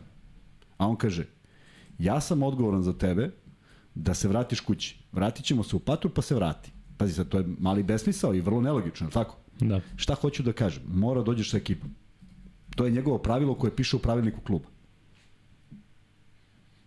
Ne može selektor da ne dođe da da izjavu. Ne može. Nije u redu. Nije u redu prema nama. Doći će možda ovde. Pa će ono, da... Ne, ali nije u redu prema nama da se tog dana ne pojavi i kaže ljudi tako i tako, nego, znaš, e, to je to što je bez veze. Verujem da su obavili razgovore, oni Tarlać bili su u Americi, obavili su vratno razgovore sa svima. Ne znam koliko, na primer, ću ja sad biti oduševljen ako mi neko kaže da je na našoj bekovskoj liniji Mali Jović, što mislim da bi možda i bilo logično da bude, ali ja jednostavno ne znam šta da očekujem. Ti znaš šta na da očekujem. bekovskoj liniji? Jović. Kako mišliš na Pa bekovskoj liniji? trojka. T- Trojka, četvorka, da, mislim, hoću kažem da, da, da rotira. Nije on 2-15, nego je dečko koji može da igra iz polja. I mislim da treba da igra iz polja. Da li bi me to fasciniralo? Pa ne znam. Ja, ja stvarno ne znam šta da mislim. Pokuševski. Ne znam šta da mislim. Znaš, nije to... Ali te, ili bi volao da vidiš? Voleo da bi vidiš vidim. kao 11. i 12. da su oni Ne, tu uz Jokića i da ove da gledaju Volao i da da ih jednostavno vidim, uče. volao bi da budu tu, tako da. je. Apsolutno bi volao da budu tu. Da. Samo ne ono garantovano je zato što je on u NBA. To ne znači Ne, ništa. naravno, pa to ne, ne da znači ništa. posebno, posebno ti E, treneri. ali vidiš, ali vidiš. old school. U, tako je. Tako je, ali onda kažu, e, a onda se opet dočeka, to je sad to neznanje, jer nisi transparentan u svemu tome. Onda se dočeka i kao, e, pa da je poveo ovoga, kao, e, sad bi taj nešto rešio. Da. Um, pitaju za povratak Gorana Dragića u Evropu. Ljudi, taj čovjek mora dođe u Beograd. Ne interesuje me da li igra za Zvezdu i Partizan, ja njega želim da vidim kako sa navijačima, jednima ili drugima, ima, on ima to nešto, osim što je mm, van serijski igrač. E, ja se sećam kada je on došao u Miami, da je Dwayne Wade e, rekao da nije igrao sa point guardom tog kvaliteta. A ako pogledate ko je sve bio pored Wade-a, do dolaska Gorana Dragića, to je jedan od najvećih komplimenata koje je mogao da dobije. Do duše u tom trenutku je bio zaista na vrhuncu svoje karijere. E, Goran Dragić je neko ko je trenutno u Milwaukee, ja mislim da je, da je samim tim njegova sezona završena, dakle potpisao je onaj najmanji ugovor do kraja sezone, Milwaukee ispao. Sigurno da, da bi mogao da bude negde u nekom NBA klubu kao neki backup, kao što je recimo Derrick Rose e, u, u Njujorku, ali ne u smislu da ne igra uopšte, kao što ne igra Derrick Rose, već jednostavno da prisustno bude tu i da možda odigra neke minute. Ali, kao što sam rekao za Kampaca prvi, prvi, tvrdim, da treba dođe u Beograd, pa je bilo nema šanse, eno ga sad će ovo, pa ga je potpisao Dallas, eto Luka, lupa gluposti. Goran Dragić mora da dođe u Beograd. Blizu mu je Požarevac. E, on donosi jednu nestvarnu, nestvarnu energiju. Ja se njega sećam još dok je bio um, 2007. kad sam bio na All Staru ABA lige, dakle on je davao, bio je ovako u čuvenim stožicama, bio je um, pult gde on daje, daje autograme. Ja sad razmišljam šta ovaj daje autograme, što, što su njega stavili, o čemu se ovde radi. Apsolutno mi nije bilo jasno, zato što je dečko u tom trenutku bio dobar, znalo se da, da, da, da je NBA prospekt, još nije biran na draftu, ali veliki red Goran Dragić, 20-godišnjeg ili 21-godišnjeg daje autograme. Očigledno da su barem u Sloveniji znali da će biti toliko veliki. I on je u karijeri, neće mi zameriti taj podatak je sigurno svima dostupan, on je u karijeri zaradio sigurno preko 150 miliona dolara, možda blizu 200 miliona dolara. Njemu novac više nije e, faktor u nekoj 30 i koji, 37. godini, 36. i 37. godini. E, dakle, mislim da je Goran Dragić u ovom trenutku e, sposoban da doprinese Zvezdi ili Partizanu. A ne misliš da ima godina već malo dosta? U njegovoj igri se to ne vidi, njegov, jednostavno njegova igra je takva. Dakle, on je taj tip Ćaća Rodrigueza, nije tip da on sad nešto ne znam šta, dakle, igra glavom, to je ono što se meni sviđa. U smislu, ja mislim da Teodosić može da igra do 42. godine. Da on, da on njegovi pasovi preko celog terena i to iza glave i već sve što radi, da to nije povezano toliko sa godinom. Teodosić se nikada nije isticao brzinom. Ja bih volao Teodosića da vidim da igraš koliko god može. Ako treba da se vrati u Valjevo da odigra poslednju sezonu, dakle on mi nije taj tip igrača da kaže evo 30 dajemo uvek uvek dajemo taj e, primer koji je onako najočigledniji taj Russell Westbrook, dakle iz sezonu u sezonu, oni Harden, ti igrači fizički jednostavno nisu više u mogućnosti da rade ono što su radili ranije, zato što igraju na silu, zato što igraju jednostavno na skok, na brzinu, na eksplozivnost. Teodosić, Dragić i ostali koji igraju glavom, ja bih voleo da ih gledam, da ih gledam ovo i što duže. Evo kad bi se vratio u Valjevo, skupili bi se posle prve loše utakmice i rekli šta se ovaj vraća? Da. E, ali e, ja bih zaista volao da vidim Dragića u, u Beogradu zato što znam da on ovde gleda kao svoje, zato što ovde njega gledaju kao svoga. Bilo bi lepo da organizator igre bude uz dužno poštovanje Madara, uz dužno poštovanje, znate koliko volim Egzuma, uz dužno poštovanje Argentinaca u, u, u, u Zvezdi. Volao bih da playmaker prozove akciju na srpskom. I da kaže, majke moje, da kaže šta god. A šta ako dvojica ne razumiju? Ma, raz, pa Ma, bolje, bolje, da, igraju- ovo, igraju bolje da Bentil naučiš to nego da ovo. Znači, to bih volao da čujem i da se sad kaže igramo ma, ma da sve te reči, znaš, te neke reči, rogovi i nešto, znaš, što ne može da, ali recimo flex, Pa sad su, zato zbog Pa velikog broja stranaca jeste, se jeste, napravilo univerzalno. Stvarno se nisu zvali isto. Ti imaš sad neke zipere i stagere, mi smo Jeste. zvali uzastopni i dupli i mnogo jednostavnije je bilo jer smo pričali, u krajnjem slučaju nas niko nije razumeo, Da. velika većina ekipa nas nis, nije razumela kada pričamo, tako da... Pa i sad se više ne prozivaju akcije. A imali smo i to da se ne prozivaju. Mnogo su bili neki treneri koji su imali puno ideja, pa si imao levo kada ode lopta, pa si imao desno kada ode lopta. Jeste, pa to sam se pričao, to mi je baš bilo zanimljivo To su da ovaj, to su dobre stvari, fore. da. To si mi rekao za Rusa, da ste kada idu levo igrate zonu, kada ide desno Ja bih volao to da vidim. Da. Da. Da, juče, da, da na nekoj utakmici ode lopta levo i stanu u zonu. I taman, op, na desno, ovi u čoveku. Ne bi znalo šta ih A snaži. zar ne misliš da bi provali posle četvrtog puta? Ne bi. A i ako provale, moraju da se adaptiraju. A mnogo je malo vremena A ti da onda adaptiraju. okreneš pa... Ti okreneš pa samo, kom, samo prvi tamo, Da, da, ti da. kažeš sad kontra.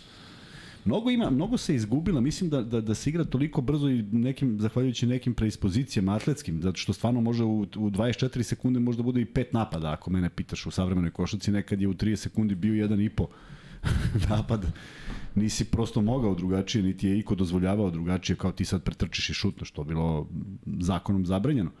Ali evo, vremena se menjaju, međutim, Kuzma na koleđu. Mi smo imali akcije gde ja sa 45 stepeni se zaletim i odem u ćošak. I ako se do, do, do tad ne desi nešto, ja tamo znam da budem po 10 sekundi. pa jes kad je bilo koliko, 35 sekundi? 35 sekundi. I onda ako se ne, ta treća opcija, onda imaš sledeću, znači bukvalno Da, da, da. odeš u ćošak i sad čekaš. I ne dobiješ loptu i dalje reakcija, sad se opet otvara da ti sad odeš suprotno da ne znam zarotiraš sa nekim, znači 35 sekundi, rekao sam ti moja prva utakmica na koleđu, Springfield, Belhaven, 50-30 rezultat. Mi igramo sa taktikom koju nikada više nigde nisam čuo da branimo šut za 3 poena po svaku cenu. Imamo dominantnog centra i branimo šut za 3 poena, dakle ne sme da se šutne samo nek- trojka. Nek prođe, a? I imali smo, nema, nema šutiranja trojke. A ovo može da prođe, može da prođe. Ma možda prođe, onda te čeka ovaj Casey koji kada ti met for žed, koji ne može, ne može, ne, nemaš nigde, razumeš. Znači igrali smo nešto potpuno sumorno, ja stojim i gledam, ništa mi nije jasno. 50-30 rezultat. E, Luka, ti si specijalista za izraelce, može li Gile do titula u FIBA Ligi šampiona? Ljudi, ja bih to toliko voleo, a to je toliko, ja, toliko teško i toliko neizvodljivo zato što igra protiv Tenerifa. Tenerife su uh, sinonim za FIBA Ligu šampiona. Dakle, prenosio sam Tenerife ove sezone zato što na sport klubu imamo pravo tog FIBA internacionalnog eh, svetskog prvenstva gde imamo i predstavnike Evrope, Afrike, Azije i Severne Amerike, pa dođe ona ekipa iz NBA G lige koja je osvojila, to su ove godine bili uh, ovi momci iz Houstona, odnosno Grand Rapids, Valley Vipers, kako god. E, u svakom slučaju, e, jako, jako teško. Pritom su u, Španci m, ozbiljan tim, dakle, Tenerife, sećate se da sam im poklonio kup, toliko, ovaj, toliko su dobri, ali e, ima tu jedna, jedna stvar da su se e, tamo uložili ozbiljni novci. Dakle, ozbiljni novci. Oni imaju 12 poznatih košarkaša. Dakle, niko od njih nije neko sada, ne znam, mislim da imaju tri reprezentativca Španije, ove Španije. E, I dakle, imaju nekoliko bivših evroligačkih igrača, funkcionišu jako dobro kao tim i mislim da će Giletu biti jako teško. Volao bih da ovo što se desilo, a, njegovi igrači iskoriste zato što mi deluje da, da oni deluju neki kao motiv porodica. dodatni. Da, da, da. Dakle, da jednostavno I sad da bude... urede još više nego što Tako mogu. je, zato što mislim da je to potrebno, da je potrebna ta neka dodatna iskra i da se kaže ajdemo sada za Gillette u ovoj njegovoj teškoj situaciji životno što što, je, Da. što što mu se desilo. Ajde sada za Gillette da pokidamo. I moram priznati da ću onako sa sa um, jednom posebnom emocijom da pratim taj meč koliko će to biti posebne emocije, toliko neće biti ovo drugo polufinala Unikaha Bon, gde apsolutno... Unikaha ima dobar tim, Unikaha takođe ima, e, svi, svi su igrači poznati, dakle ljudima koji prate, prate košaku, Bon sam prenosio Da, da, sezon, ali, finale u najavi. ali neuporedivo je, da, ali ako, ako uzmemo, znaš da, da, koje je bilo finale kada, je- kada su Tenerife pobedile u kupu, kog su pobedili? Ne. Pa Unikahu. Unikahu. Pa si mi ti pokazivao da je ovo ipak Unikahu. Kako? A, da, Pa to je fin, finale je. Kupa Španije, vrlo lako možda bude i finale uh, Lige šampiona. Tako da, uh, žao mi što su Španci onako, da kažem, okupirali i Eurokup i Euroligu i tu Fibinu ligu šampiona. Svakim čast, ACB liga je odlična liga. Ja da čekam ovaj, da vidim kako će to izgledati u narednim godinama, ali um, bilo bi lepo da tu ima još neko mesta za još nekog. Gile već sada napravio veliki uspeh. Prošle godine je Hapoel Holon osvojio prvenstvo u Izraelu i oni su igrali uh, Final Four Lige šampiona i počišćeni su. Dakle, taj Hapoel Holm koji je bio tada ozbiljna ekipa i sada je rastureni su u polufinalu i po, polufinalu i posle su izgubili i za treće mesto, pa da.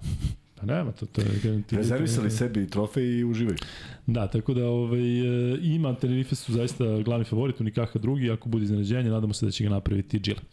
E, Kuzmo, ćeš ti ovaj, pratiti to ili ideš na zvezdu?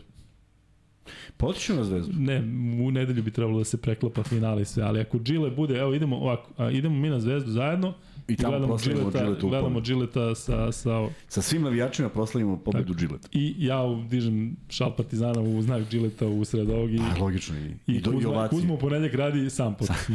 a ja se, ja, ja se javljam sa, sa Ovaj, nekoliko lokacija. E, da se razumemo, stvarno, stvarno ja imam veliku onako želju da pošaljemo podršku i mi uvek pošaljemo i često napišem čanku posle pobede, samo kratko, ne sad ja uzmem nešto kao da mu ja pričam, nego napišem čestitam ili drago mi je, znaš. Tako da ta komunikacija s ljudima s kojima smo ipak i bili je savremenici i koji su se otisnuli u ovaj trenerske vode gde posao apsolutno nije lak, treba da se boriš sa svima i sa svojim igračima i sa jezikom koji kojim pričaš tamo i sa svim svojim predsednicima i menadžmentom, tako da eto uvek uvek za naše trenere i uvek će navijati za koji god klub da vode da se što bolje plasiraju, da ta neka naša škola koja je to pretrpela mnogo udaraca i izgubili smo je i nekad smo zaista bili ljudi koji su je predvodili nacija koja je predvodila, vola bi da se vrati na stare staze, ali Bilo bi lepo da. Džila osvoji Ligu šampiona, da Bi, Salo Bradović tako je. osvoji Euroligu i da Čanak osvoji Evrokup, zato što su ih pokrali u onom u meču, protiv da. Pariza i da kažu ljudi izvinjamo se, evo Jaka, vraći, vraći ono Tako što si ti je, dobio. tako je. Evo te. To, to ljudi ne znaju. e, Mi, e, kamo se reći da možemo time da se podičemo, zaista. Ma kako ne? Pa sa Olimpijevićem ono prošle godine, seća se koliko su svi bili ono uzbuđeni sa pravom. Znam, ali eto, Dakle- eto, ta 2005-a, pa taj, taj Euro Challenge, pff, znaš, kako je bre sve prc? Pa čekaj, za ne bi, ja bi, evo, evo ja potpisujem, evo, možemo ovako, da šaljemo ekipu u Ligu šampiona, koja će stalno da bude prvak Lige šampiona. Ja mislim da je to bila velika satisfakcija za našu košarku. Se slažeš? Jeste, FNP je probao da... Pa da, stvarno da, misliš da je to toliko lako? Bez obzira što je to niže razredno. Taj FNP koji je peti u ABA ligi je ispao u kvalifikacijama za Ligu šampiona, Tako- a mi volimo da se sprdamo znači kako je to tamo levo ima takmičenje. ozbiljnih timova koji ozbiljno gledaju na to da, da. takmičenje. Ne možeš sve da mi podaštavaš. Kao samo se ovo računa. Pa što ne osvajamo taj Evrokup svake godine? Pa ja, ja bi potpuno razumeo naše motive, e, ajmo u Evroligu, sad da mi tamo pokidamo jer ovo nam dosadilo. Čekaj, bre čoveče, doći do bilo kakvog trofeja u, u sezoni u Tako Evropi. je. E, Mirko Zeković Donir, hvala puno Mirko. Kuzma E, da ispratio. pozdravim Mimu, Mimu i, i Acu iz Čikaga, Mima Jaca stalno koji su nam PayPal poslali, šalje, jeste, tako. poslali su nam Paypalom, veliko hvala za podršku i, i, i hvala što nas gledate. znaš ono što je banerije, kao, hvala Mimi Jaci, jel tako? E, što šalju preko Paypala, mogli bi malo više, ali a pazi, ne, ne, ne znam ni koliko su postali, znaš, Ja, znate, ako već, stranu, malo je neka kriza ovde. ne, kao, hvala puno što šalju i nadamo se da ćeš slati još češće. Još, još češće, još više. Ne znam da shvati neko Ne, ne, stvarno hvala, ozbiljno, neće, ali, neće, ali divan je gest, divan je gest, kaže, meni mnogo drago kada Jer, tako ali vidimo. svaki put kad se pojavi nešto ovako, a ovaj, pozdravlja uvijek Partizan, što je fenomenalno. I, ovaj, Možda dva puta, dva puta mesečno šalju, jednom kada Mima primi platu, jednom kada Aca primi platu, znaš pa od plate, kao ajde. od da, plate, daj deo. I hvala puno ljudima koji nas podržavaju dalje na Patreonu, vas smo potpuno zaboravili, a to ovaj, na mesečnom nivou je zaista isto jako lep gest e, sa vaše strane, tako da e, razmišljali smo o tome da vam, pošto preko Patreona je moguće da se pošalje personalizovana poruka, da nešto snimimo i nikako da ovaj da to uradimo, ali eto svim možemo da se ovaj obavežemo Kuzma da ćemo Patreoncima da pošaljemo neki neki klip samo za njih. Hoćemo, Hoćemo, moramo. da. Da. Jeste, često ih zanemarimo, Da, ali jeste. samo zato što nemamo, nemamo kada se bavimo tim. Inače, Nemamo veliko kada. hvala. Taj novac koji oni uplate, on je redovan i on je mesečan i hvala im puno. Da. I stvarno ih nekada ne, ne, ne spomenemo koliko treba, ali Da, bez nikad njih, ih ne spomenemo, ali bez njih sve, sve je u stvari počelo zahvaljujući njima, tako da Sve što Kuzma ja ne znamo od to Patreon, PayPal, sve što nismo znali, prvo nismo znali za Patreon zato što se to ovaj prvo aktiviralo još kada smo bili na onom samom početku. E, pitanje za Luku, koga bi Partizan trebalo najpre da zadrži, da li Ledeja, Panter ili Lesora? E, iskreno mislim da će ostati sva trojica i mislim da su Ledej i Panter prilično povezani, zato što njih dvojica su jako dobri drugari, funkcionisali dobro u Armaniju, funkcionišu dobro u Partizanu, ne bih volao da jedan ode, dakle, ne daj Bože ko ode jedan, mislim da bi mogao da ode i drugi, da oni čak između sebe pričaju ovaj, da prave neke zajedničke, zajedničke planove. Mislim da im se sviđa u Partizanu. Mislim da imaju dovršena posla sa Partizanom.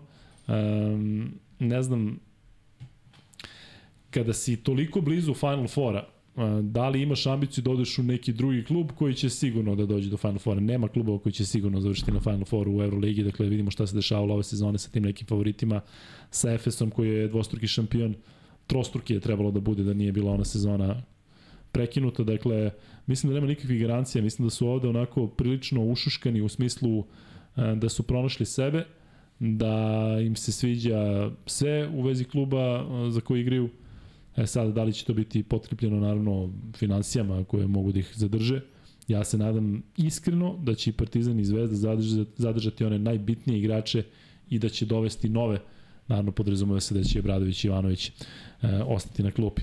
E, Luka Padragić ima MVP vote onda kada je imao 20 PVG, to je nevjerojatna klasa, previše bi dobro legao. Ma da, ljudi, ja vam kažem, Dragića ćemo da mi kontaktiramo i da vidimo da, da utičemo da dođe. E, za bojicu, ko treba da bude kapiten Kuzma? Da li to treba da bude po, da li treba da igraju Pokuševski i Jović iz NBA ligi i da morate da birate između Smajlagića i Petruševa koga bi izabrali. A to je interesantno pitanje u vezi Smajlija i Petruševa, posebno zbog njihove povezanosti ranije kada su igli za reprezentaciju. Ja bih volio da ih vidimo u bojicu, mada to vjerojatno nije moguće ako su svi, ako su svi tu. Pa vidi, ako su svi tu, treba napraviti tako nešto da svi se oprobaju, da svako dobije šansu. Pričao sam ti za onaj iskraćeni spisak kad se ništa ne dešava. Daj da se desi. Ajmo 24 imena. Pa se kaljeti. Pa da, i dovedeš 12 i malo ih probereš i vidiš, imaš neke u glavi koji sigurno idu ako su zdravi, što je potpuno normalno, imaš prosto igrača od poverenja, nema tu sad mnogo filozofije, ne treba svih 24 da se dokazuju iznova i iznova, ali tu je lepo, tu je lepo izvagati neke vrlo bitne detalje. Da to 11. 12. mesto dobije neko ko se najviše trudio nije on slučajno tamo, nije neki koji se trudio ni otkuda, nego da. je koji se najviše najviše pokazao, koji najviše napredovao kroz te treninge, koji je najmlađi, koji donosi neku novu generaciju, koji kako bih rekao, ima tu mnogo nekih e, parametara koji mogu da odluče, samo ne treba duplirati. Dakle, vrlo lako može da neko kaže, ej, meni je afinit, moji afiniteti su naklonjeni Petruševu, moji Smajlegiću, pa izabereš na, na taj način. Ali, ali da sad tu nešto vagati ko, kako, tu nema mnogo smisla. Ima smisla šta je igra koju donosi. U čemu je njegova pozicija u toj zamišljenoj priči? Da bude da cepa odbranu. Možda je bolju odbranu pokazao Smajlegić. Da li je Smajlegić više prav, faulova pravio i kad trebalo i kad nije? Možda to ne može da izvega, možda mi veću koncentraciju ima ovaj drugi. Znaš, i to su neke stvari koje opet treba isprobati i videti. E, na svu sreću imamo ozbiljno dobre igrače, ali nemamo taj broj igrača koji je igrao na tim, na tim svetskim prvenstvima i ima da svi imaju podjednako iskustvo. I ne može da bude sastavljeno toga i zato kažem, mora malo da se probere, da se vidi šta su neke nove generacije, ko, ko će uskoro u penziju, ko će uskoro da e, kaže hvala i tako dalje. I tu mora, biti, mora se biti ovaj, iskren, zato što je to dobro bit za reprezentaciju I, i, I ne biti ono, znaš, sad ja moram da igram i neki sledeći ciklus, nego jednostavno vidiš da li zaista možeš. Srećom imamo igrače koji su u dobrim godinama, mislim da možemo da trajamo, uh, kad kažem trajamo, da se plasiramo na svako moguće takmičenje u narednih 6, 7, 8 godina bez ikakvog problema. Ajde to da radimo, a tamo, tamo da vidimo šta ćemo da uradimo. Um, Kuzma, interesantno pitanje. Um, ko bi mogao da bude kapiten? A Miksa, može da ugasiš ovaj vote? E, da li mislite da će Kampaco ostati u Zvezdi? Šta misliš, Kuzma, da kažu naši? 54, 38, a neko treći... 63% ne, 36% da. Pa nemaju pravi informacije o 63%. Da.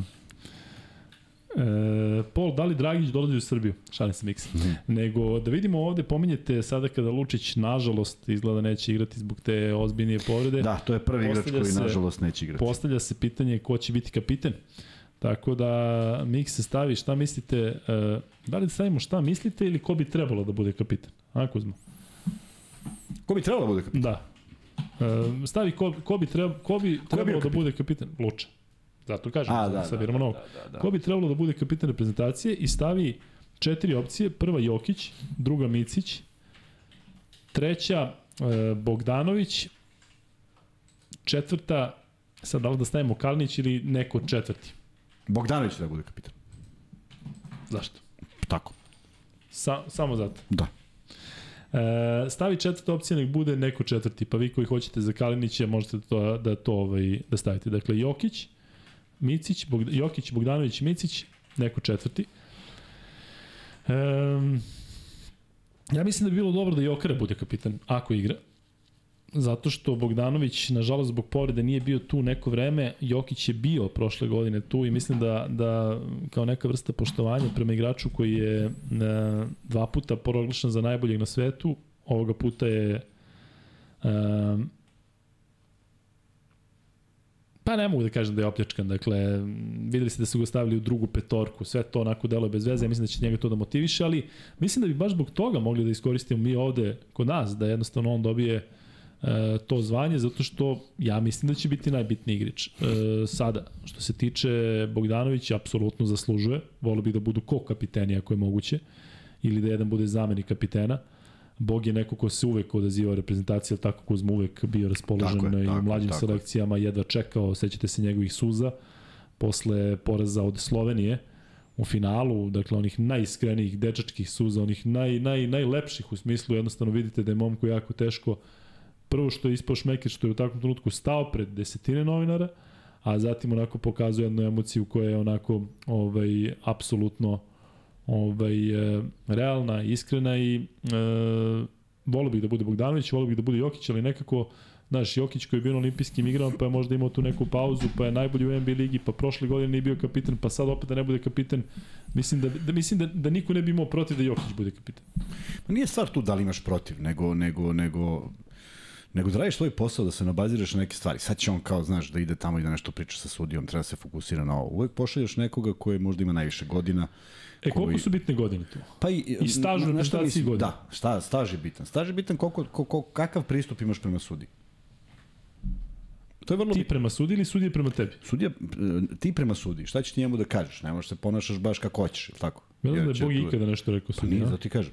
A imaju, stvarno imamo igrače sa, sa ozbiljno, ozbiljnom težinom košarkaškom, tako da ne vidim da je tu neka, a pritom ne vidim da će neko to preterano da juri.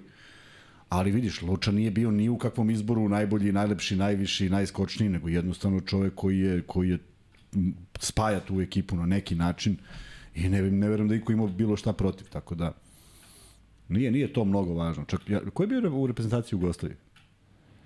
Ko je bio kapiten? Da. U kojoj Jugoslaviji pričaš? Pa, eto, Divac i ekipa i 98. 2002. Pa trebalo bi da je... Da je... Sale sale, pa za nije Bodi bio? Ja znam, ne znam, usetim, jer nikada nije bilo važno. 90, da, 98 mislim da je... Da... Potpuno je bilo sve jedno ko je kapitan. Takvi smo igrači imali da, znaš, da. kad ti gledaš da, ko je da, tu da. nešto kapitan. Pa ja mislim da i sad imamo takvi igrače, imamo, imamo, imamo, tog, tog kvaliteta, tog kalibra da su zaista ovaj, posebni. Um, Apropo ovog uh, mog uh, apela da dođe Dragić, kaže Luka, a ti ćeš Kuzma sigurno dati bolji odgovor. Da li je tim veteranima problematično da igraju odbranu u Euroligi i da budu nosioci igre? Pa vidi, e, mislim da im je mnogo problematičnije da igraju odbranu u, e, u NBA ligi u tim godinama nego u Euroligi, gde se ipak igra sporije, gde se igra više košarkaški. Tako da, ako negde može odbrana da, da ne mogu da kažem da se sada onako stavi u drugi plan, ali jednostavno u NBA ligi ne možeš da igraš u onakoj brzini, ti ne možeš neke stvari da pratiš. Ovde jednostavno, onako, mislim da je, da je Dragićeva inteligencija jako dobra i, i u odbrani može da se vidi kada igra, nadam se da će igrati u Evropi. Šta misliš ti, Kuzma? Uh, mislim da je takmičarski uh, Euroliga ispred uh, NBA. Ali kada govorimo o brzini? Kad go, ne mora, pa vidi, ali ne možeš da koristiš ni jednog od ove trojice duže od 10-15 minuta. A Dragić je u tim godinama. Može a misliš da zbog odbrane? Pa da, da. da. Zašto se ipak trpi? Ipak se trpi zato što nekako sve ekipe se sad kompletiraju, ima mnogo jačih sastava, ne možeš da nađeš najslabiju kariku u napadu. Evo, kad uzmeš, kad uzmeš sastav Partizana i izađu, na primjer, spoljna linija Exum Panter Exum, Exum Panter Naneli i stavi Smiley i Lesora. Gde je taj treći koji može da se šlepa? Kod koga se šlepa? Da. Pa ne možeš, od, jer odmah će da se gađa to nešto što, što ili će Exum da igra dole ako je taj igrač niži, ili će Panter da ga probija, ili će Naneli da ga probija. Prema tome, e, jako je teško krpiti toliko dugo. Napadački vrlo lako može da ima i najbolje rešenje, ali će odbrano trpeti, neko će to da, da proceni. E, da, Kuzma, se slažeš, izvinite što nismo odgovorili na sva pitanja, vidim da imate jako zanimljive pitanja, ali baš smo onako malo prošarili te neke teme koje nismo uspeli da, da potkačimo sada kada smo imali ceo ovaj, period oko Partizana i Evrolige, sada možemo da ćaskamo malo i te neke sporovoznije teme, odnosno možemo da pričamo o tome, ali sada bih prešao na ABA ligu, Kuzma, koja se zaista igra u tom nekom e, prilično čudnom sistemu, čudnom formatu. Ja ću ti sada pročitati kako recimo izgleda um, kako izgledaju termini za seriju Zvezda budućnost. Slušaš? Uh -huh. 14. u, u nedelju u 19.30 u Pioniru, u Dobro. Aleksandar Nikolić. Kad se igra? 24. 23. Jel moguće, čovječ? 23. O čemu se radi?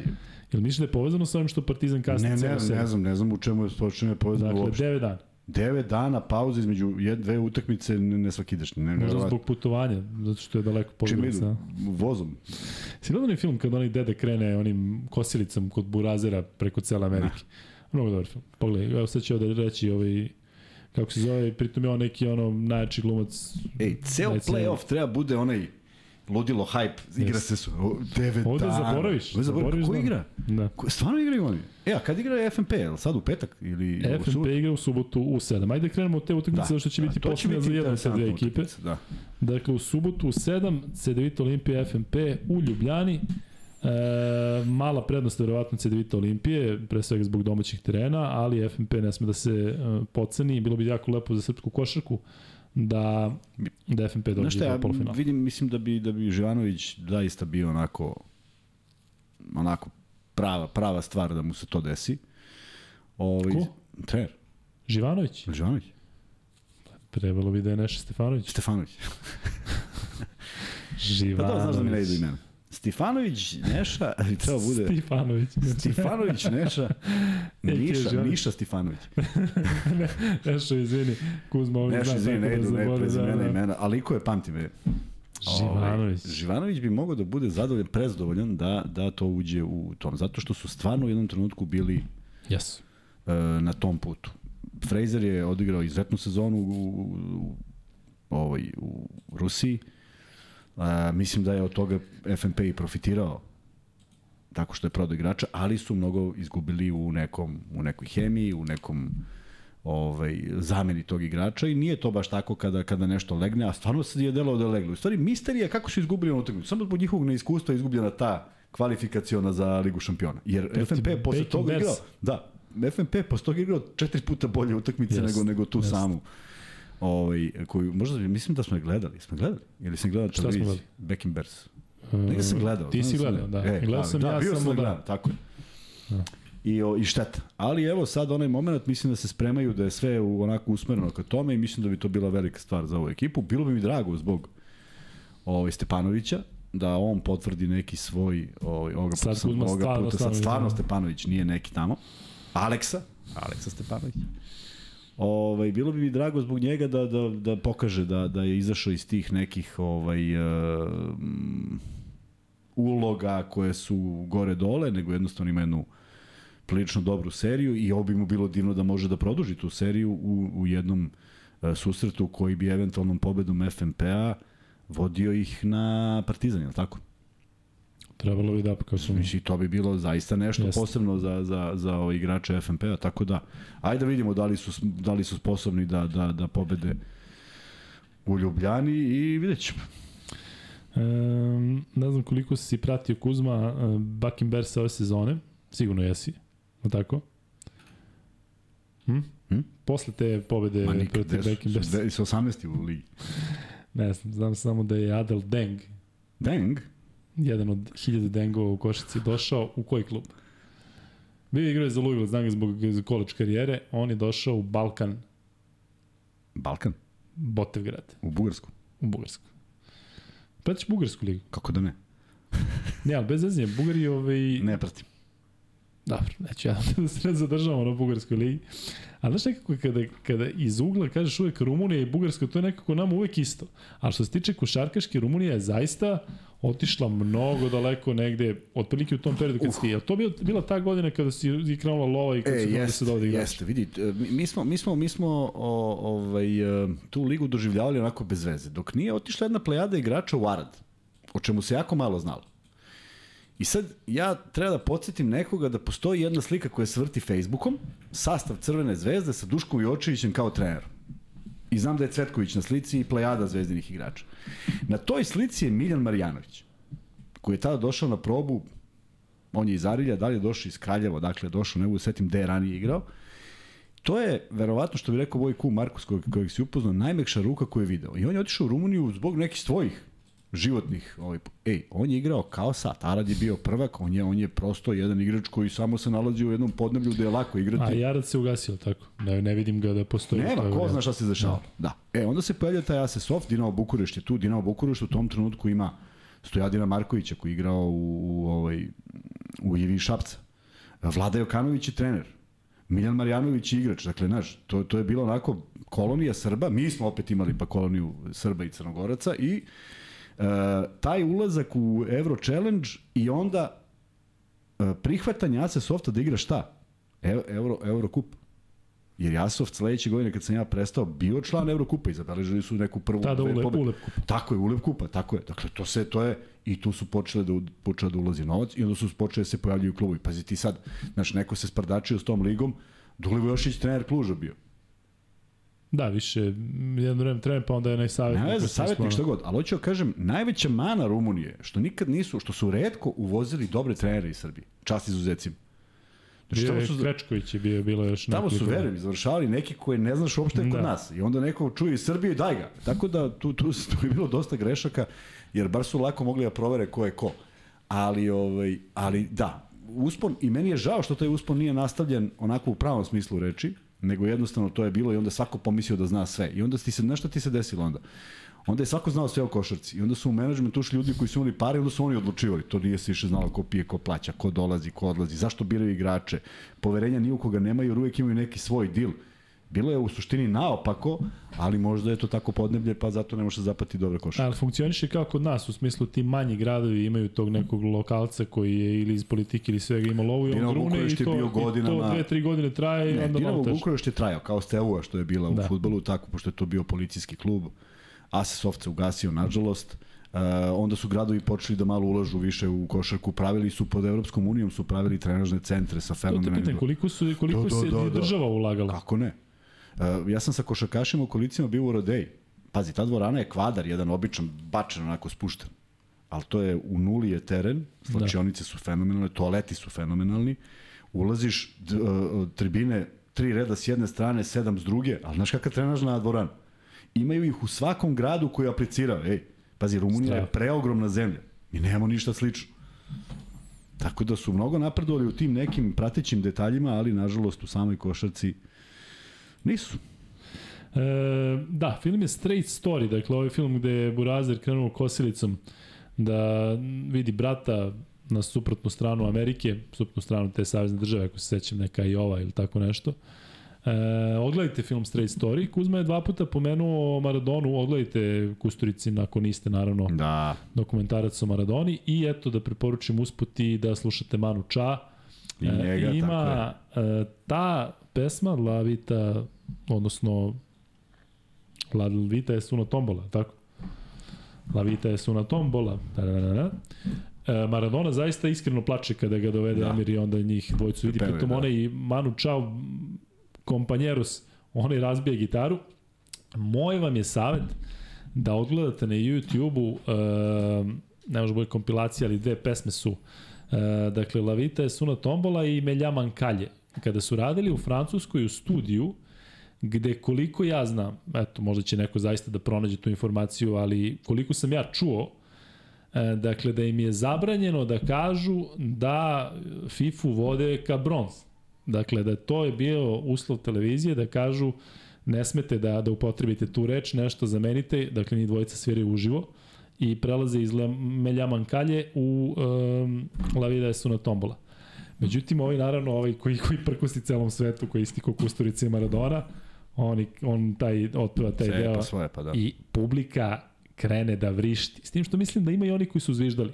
Ali kad njih dvojice završe, sad se naježio, kad njih dvojice završe uh, i kada udare onaj poslednji akord ili šta god, to je takvo oduševljenje u studiju, ja nikada nisam video da neka uživo, čak i kod onih Amerikanaca i late night showa i suda, ovaj, takvo oduševljenje i takav aplauz, dakle, Meljaman Kalje, pritom je taj spot ovaj, vrlo onako zanimljiv, malo i potresan, i La Vida je su na tombola, uh, mislim da je, ne, ne sjećam se koji je francuski kanal, ali ako ukucate dve, dve pesme, izbacit će vam, dakle, kad njih dvojica sviraju u studio, studiju u Francuskoj. E, dakle, eto, to su moje preporuke da, da onako prilično došlo spontano.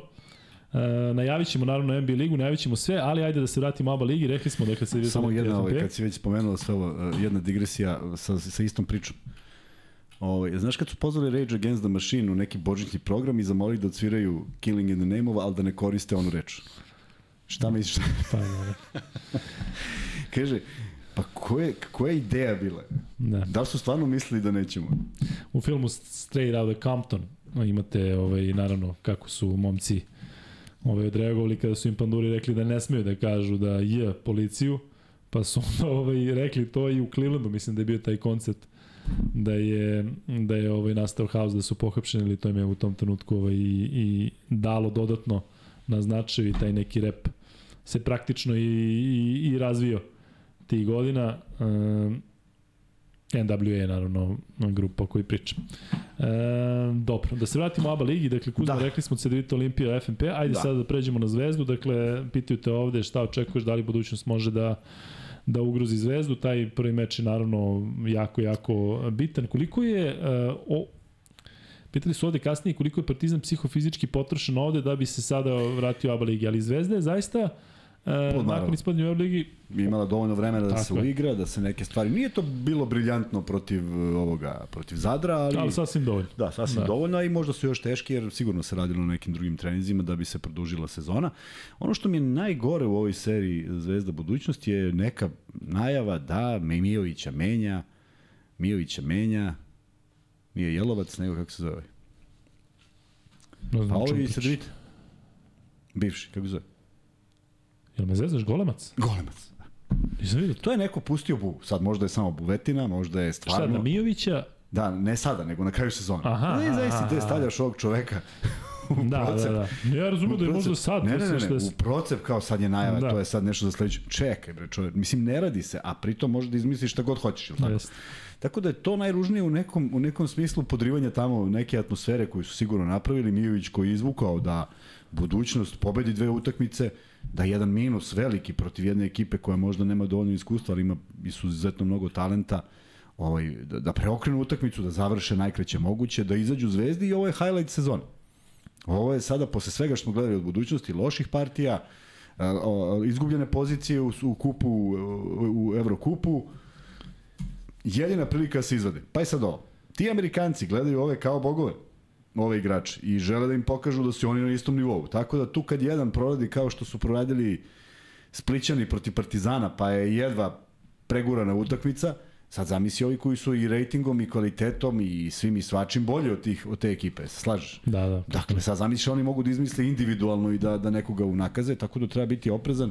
Naravno, prednost Zvezde je u, na domaćem terenu i prednost Zvezde je ono što mi se sviđa i u ovim utakmicama koje su bile, ne, ne, ne bih mogao kažem play-off utakmice, sviđa mi se što se istrajava u nekim određenim stvarima pre svega defanzivno. Jer to je nešto što donosi ono što te zanima. Ne možeš ti da se, da se igraš, igraš, igraš, igraš, igraš dok ti to dozvoljava, onda letiš na Partizan koji dođe u nekom finalu i sad će ti da se spusti. Ne ide to tako. Ti moraš da uđeš na tim nebitnim utakmicama i koliko god glupo gledalcima izgledalo, šta ova igra ovako, znaš, šta pada na glavu.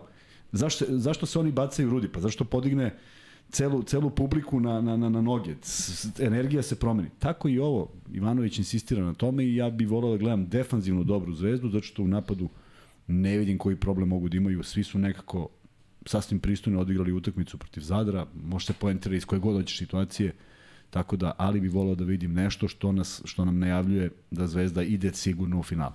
Kuzma, šta očekuješ od navijača? Zato što znamo da postoji deo navijača Zvezde koji ima neki otpor prema ABA ligi godinama, a pričali smo o tome kako u budućnosti je nekako onako nema više publike, nema da. Da. više energije kao što je bilo, ali ovo je ipak serija gde moraju da budu pune hale.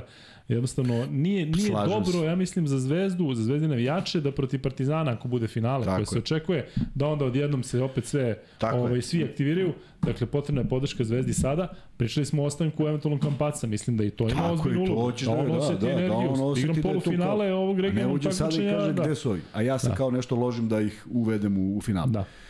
Potpuno si u pravu. I ono što je što je vrlo bitno, to je da je fantastična podrška bila i u onim momentima kada se znalo da Zvezda nema šanse za za top 8. Jest, bila je zaista izuzetno. Baš zato i da se vidi da, i- da ako Zvezda je tada imala uh, toliku podršku, a znalo se da takmičarski nema, sad, Sad sad ima, polufinale. sad ima. Tako Tako. I sad tako pazi foru. Ja očekujem zaista da bude pun. Zašto? Zato što si se valjda uželao neke dobre utakmice. Da. Ove protiv Zadra su bile jedna kod kuće, jedna na strani, nije to bilo ništa spektakularno. Ova kod kuće je vratno pro forme, šanse za Zadar su bile mnogo veće na, na, u Zadru, ali sad dolazi neki derbi. Neki derbi koji ne tako davno te izbacuju iz Euroligi. Pa je to ako nismo to. Ne zbog onih političkih gluposti, ko, šta, kako i dalje. To mi je Eto, promenila se neka klima i u Podgorici što se toga tiče. Jeste, promenilo se Tako da treba i te neke stvari da da. se promene.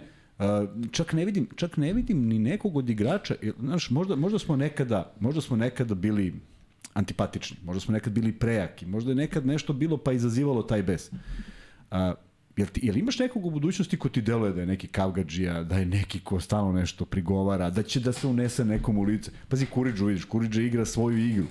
Ovi crnci su Ovaj Green zna da malo ga povuče, Znači, da ga povuče. vrlo redko, Popović nije incidentan, niko od Tako je. Šehović, zamisli, mislim, u čemu pričamo.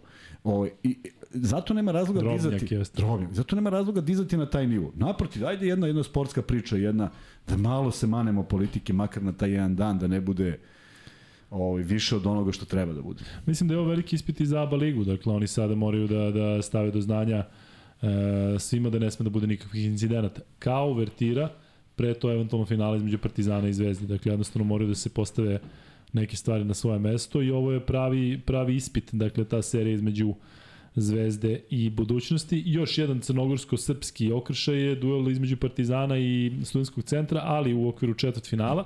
Prvi meč se igra u 19 sati u um, ponedeljak. Mi ćemo vidjeti da možda radimo na tome da možda bude neki gost u ponedeljak, e, zato što imamo onaj termin tako mi se u ponedeljak radimo normalno u 9, dakle nema greške, pa ćemo videti malo sada kada su se ovaj, smirile neke stvari da možda i dođe neko um, da pričamo malo o svemu. E sada, što se tiče studentskog, studentskog centra, meni je naravno interesantno to zbog Duška Vojošića koji je tamo E, dakle, Duško Jošić ne kao trener, ali kao neko koji iz kluba protiv Željka Obradovića, studentski centar nema šta da izgubi. Ovog Lorena, čini mi se Jacksona su raskinuti ugovor sa njim, e, malo to verovatno može da utiče na ekipu, ali evo, ja kao što sam e, poslao odavde e, neki apel da se navijači okupe na aerodromu i ja nisam došao što sam zaspao, došao sam kući i uključio NBA ligu i zaspao naravno ovaj, probudio su u 4.45 već počela ovaj počeli počeo Golden State uveliko um, mora da bude puna arena ljudi. Dakle sad je sad je prilika da se Partizanu pokaže koliko je koliko su navijači zahvalni za ovakvu Ja mislim da sezonu. hoće, zaista mislim da hoće. Pa ja se plašim da neće. Iskreno da ti Ne. kažem. Zato što, znaš, sada su se nekako možda svi malo izduvali, tražila Pa, se onako karta više, e, dobro. baš sada zato treba da, da, da gori, treba da bude evroligaška atmosfera. Poslednja utakmica koju je Partizan odigrao u areni je ona četvrta protiv Madridskog Reala. Znate šta se desilo dan ranije. Dakle, e, nije bilo navijanja u prvom poluvremenu, dakle jedna zaista čudna, specifična atmosfera da sad se vrate igrači e, na, na onaj mod u kom su bili e, u duelu protiv, protiv, u svim duelima pre toga. I to je dakle ideja, tako da e, pozivamo, evo ga, stigao Evo je ga Džanger, stigao je Džanger i sada sve staje, tako, nema više Gotovo, šta. Da. ajde, sedi tamo. E, Ostavi to tu, a sedi tamo. e, rekli smo dakle sve što se tiče ABA lige, m, najavili sve mečeve. Pazi na kablove. U pravom trenutku si došao. Šta se dešava? Dobro. Sedi. Ovaj, Stavi slušalice. e, A ovde? Da, tamo, sedi iza. Ljudi, stigao je Džanger, koga ste toliko pominjali, prvo ga je pomenuo Kuzma, pa je onda ovaj, e, krenula toliko priča. Dakle, Roditelji ga nadimkom zovu Milutin. da. Inače se zove Džangir Nikolić. Jao. Gde si bre, Džanger, toliko te pominjemo ovde i toliko te Kuzma pominje, možemo konačno da čujemo tvoj glas za početak, pa Dobro ćemo posle da pričamo. Prevuci mikrofon. Da. Slobodno bliže. Bliže, znači namesti se tako, uvali se isto. E, Ali se i prevuci ga ka sebi. Odlično. E, O. e. Jebote, kako je ovo? Evo, došao je Ko Džangir. vas je Sad vi znate da nije izmišljen lik neki fiktivni, nego čovek koji je igra u OKK Beogradu i bio prvi playmaker preko 2 metra ako se ja dobro sećam. Mnogo pre Bijelice i tih novih, je li tako? Da. Da. Ajde, Django, je nešto, bilo. nešto o tome. Poslije ćemo na ćevape da priđemo. Ne, prećemo na će Ne mislim da, Ne, pričajte da vas li neko glada. Pričajte vas Da, da. ja tamo. Da. Može, može, miriše. Da. Ovaj, dobro večer, rekao svima. Hvala na ovom uvodu. A povod je, u stvari, što sam došao da se vidimo, ovaj, drugar ovaj, iz OKH Beograda, Žika prebacio Ćevabđanicu sada u Pa da znamo gde je, pa tako, tako je. Ovaj, ov, ovim pu- putem ga pozdravljam, njega i Jovanu. Vrhunski su ćevapi. Sad ćemo prvo. Da, da, Koliko da. još imamo? Još dva minuta? Ne, pazi, još nismo, Ne. pazi, jo, još nismo probali, ali odlično. Ali odlično. Ljudi, verujte Prošli, nam, to su oni isti koje smo Znate kako mirišu? Znači, To su isti. Privuci mikrofon Da. samo, slobodno se ne slanja. Čekaj, da. Mikrofon je tvoj prijatelj, u smislu možete Da, da, daješ možeš ovako, već bio. E, pratio sam vas ovaj, pre jedno sat vremena, šta je tema, kampac? Da, smo da pričamo o tome. Znaš, znaš dokle smo, I za koga je da, da. potpisao? Ne znam. Za zvezdu, za zvezdu, to je posljednja informacija. Ja sam sad čuo neki nenormalno, neka cifra, ali dobro. Šta, Da, šta se nudi, šta nudi, kako si rekao? Knežak. Knežak, šta Da, nudi da, Knežak? o, da, Danas. To. Danas nudi tri, Ne danas, nego da danas nudi, a Da. kad hoćete dođete. tri ove, ručka za, odnosno dva ručka za četiri osobe, odnosno porodicu i jedan za dvoje. Dakle, Ljubavni dva par ručka, može istopolni, sestra. sad smo, da, brat, se, Brat i kako, brat. tako, brat i brat, opet brat. Dva ručka po četvoro, Tako, jedan ručak Jedan za dvoje. Odlično. Ajmo za četvoro. ba, prvo pitanje, Ajde. kako se zove vlasnik? Kako se zove vlasnik, koji vam deli ručak? Tako je. Neko se zezao malo pre, kaže, vode na Zlatibor, deleće vape, kaže, samo kajmak neki da ubace, kaže, pa će ovaj da bude. Si E, rekao kako se zove, jesi? Jesam. Jesi, pa tako je. Pa ko, e, slušaj, Tako je. Vidi, ne, piše mi, nema, džang, nema odgovor. piše Nema mi neki džangir koja vrata beše, dolazi još jedan. Ja, ja htio kod komšije dobro rekao, ma nije bre. ovo. Sad bez- bez zezanja stvarno dobro miriš. Znači u toj meri da ovaj Sad ćemo Kuzmi i ja da nastavimo ovaj Da. priču, a ti... Jel piše ne kako se zove? E, ne, ne piše niko. Možda, možda, Polako, Džangi, možda čekaj. Džangi rekao dok je mikrofon bio daleko, pa niko ne zna. Sad će da nam Znači, kaže. Da, kako da vraćaju, se- da vraćaju. Žika. Kako se zove? Nije Et, Žika. Jeste. Žika. Žika, Savo, Savo dobio si, Sao, dakle, care. Dobio si ručak za četvoro i Džangir će još jednom da kaže gde, na novoj lokaciji. Uh, to ti je ispod Kluza, Mite Ružića da. 4, znači E, ona stara Ružić. fabrika Kluza, ovaj, Kad se vam krene neće za ti se Mirjevo, pokazati, tako? da, da, tako. Da, Da. ta ulica. E, Džangir, reci nam, kad si već tu, reci nam malo o svojoj karijeri. E, Kuzma kada je pričao, rekao je da si bio neviđen talent, ali da e, jednostavno nije ti košaka bila sve u životu kao što mora da bude da bi se došao do nekog nivoa. Kuzma, Kuzma ima ovaj, tu crtu nekada pretera malo. Ovaj. Nije igrao u Ne, košarku. nekad, znaš. Da, ovaj, ne, ne, šalim se. Pa vidi, ovaj, možda u ovakvoj emisiji uh, bi ljudima bilo interesantnije ovaj, moji izlasti sa kumom Medom ovaj, nego, Nego košarka. nego ovo košarka, jer, ali stvarno, vidi, to je, to je bila moja velika ljubav. Znači, ovaj, uh, trenirao sam kao i sva deca u, onoj, u ono vreme u Jugoslaviji ovaj, futbal. Obožavao sam futbal i to je bilo do jednog leta kad sam izrastao nekih 14 cm gde su me odmah stavili kao aj na gol. A moj čale pokojni je bio golman FK Beogradu i on kad je čuo da sam ja golman, on je rekao dođe da te izlubim, rekao, "Ma, neću ja golman da budem, hoću da, hoću da igram. I ovaj, I to je bio ovaj, moja odluka, odnosno, odnosno bila je neka sekcija kako radio je Koraća ovaj, u, u Jeleni Četković. I ajde kao da krene malo. Legendarna Jelena Četković škola. Da, E, pitaju te ovde, da li si ti kao i Kuzma počeo prvu u Ofka Beogradu? u Ofka. Je li tako? Pa da. Viš neko ko zna? Sad bi overio nego si Da, daleko. da. Ofka Beograd, ali uvek je bio Ofka, nije ljudi Ofka. Ovaj, e, vidiš da ljudi ovde znaju. sve. E, reci nam, kakav je Kuzma bio? Kao saigrač, kao drugar u to vreme, je li bio gotivan kao danas? Malo pre pričao kako je bio dosta težak, koji je stalno bio onako zahtevan, ali da je Samo u prema suštini bio dobar tip. Samo prema treneru. Prema saigračima dobar, ne? Ali stvarno priča da si mu ti asistenciju za prvi koš. To, Kako, to, je, to je Džangir rekao. Znači, to stvarno prvi koš. Objavljati kako izgleda ta akcija. Kako, Vidi, to je- To nikad nisi zaboravio. Da, A, ali ja, ja da, i dan danas se sećam te hale, to je bila hala u, u, u Solunu I to je bio mini, aj kažemo neki, nije bio turnir, bile su prijateljske utakmice, ali nismo smeli da igramo ovaj, zbog sankcija. Da. Ovaj, igrali smo, bio je Pauk, bio je Aris, ovaj bio Aris, ovaj, i u jednom trenutku Bokče kaže, Milutine, uđi, bio on rekao, okej. Okay. Šta ću kad uđem? I ovaj, znam da mi je samo rekao, kaže, samo tu se negde šunja i kaže, sve je bilo u redu. Znači, naravno, napravio ovaj, prolaz na 45 stepeni, ovaj pomogao, dodao na, na ćošak i meni je bilo samo da pogodim. I Pazi, u novinama bila slika. ne, ne, u U svim grčkim žurnalu, ne, Svim grčkim na novinama. žurnal pre. E, pitaju, da li se ti kao i Kuzma ložiš na kampaca? Kako ti Pratiš se dopada? Da, kako ti se dopada? Gde si sada što se tiče Bez obzira košarke što sve za ovo? partizan. Da, bez obzira što nam je za predjelj. Džangir Grobar? Da. Da.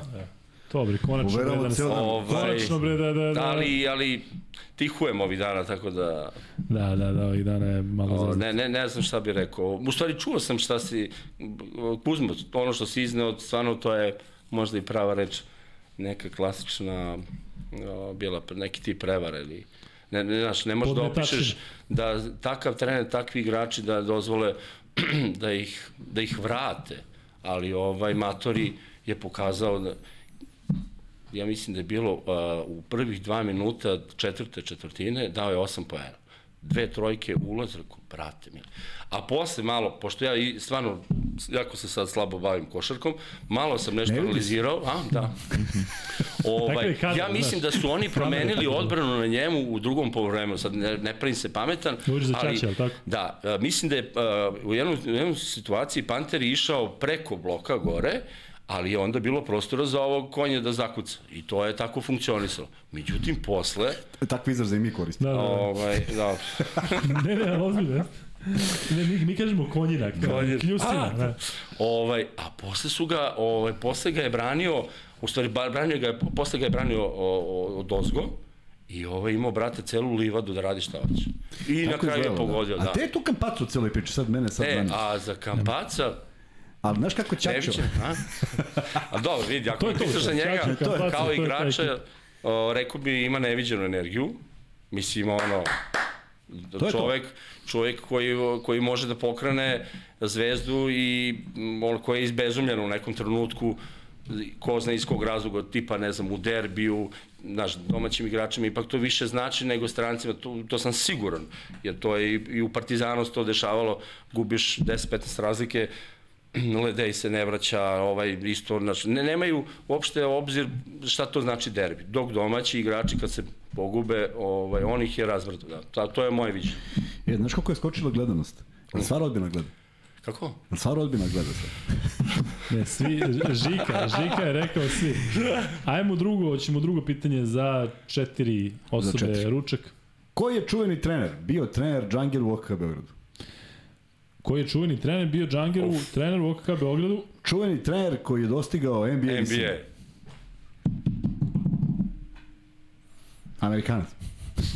Polu. Ludig, a? Ludig i OKK trenira. Nije. Da, ima anegdotu za njega. Da. A, ali kad budu odgovorili. Um, pominješ derbi, uh, Džanger, šta očekuješ od derbija ako ga bude u finalu ABA ligije? Svi se nadamo da će biti pre svega mirno. Biće ga sigurno. E, šta očekuješ? Biće vjerojatno sa ovakvim sastavima jedan od najkvalitetnijih derbija, odnosno najkvalitetnijih finalnih serija. A vidi, ovo što su, što su uradili ove, uprave Partizana i Zvezde što, sa dovođenjem ovo- ovakvih kvalitetnih igrača, bez o, to mo, mogu da poredim na primer deved, tvoja generacija Zvezde. To je, to je tako ono dream team se pravi, baš.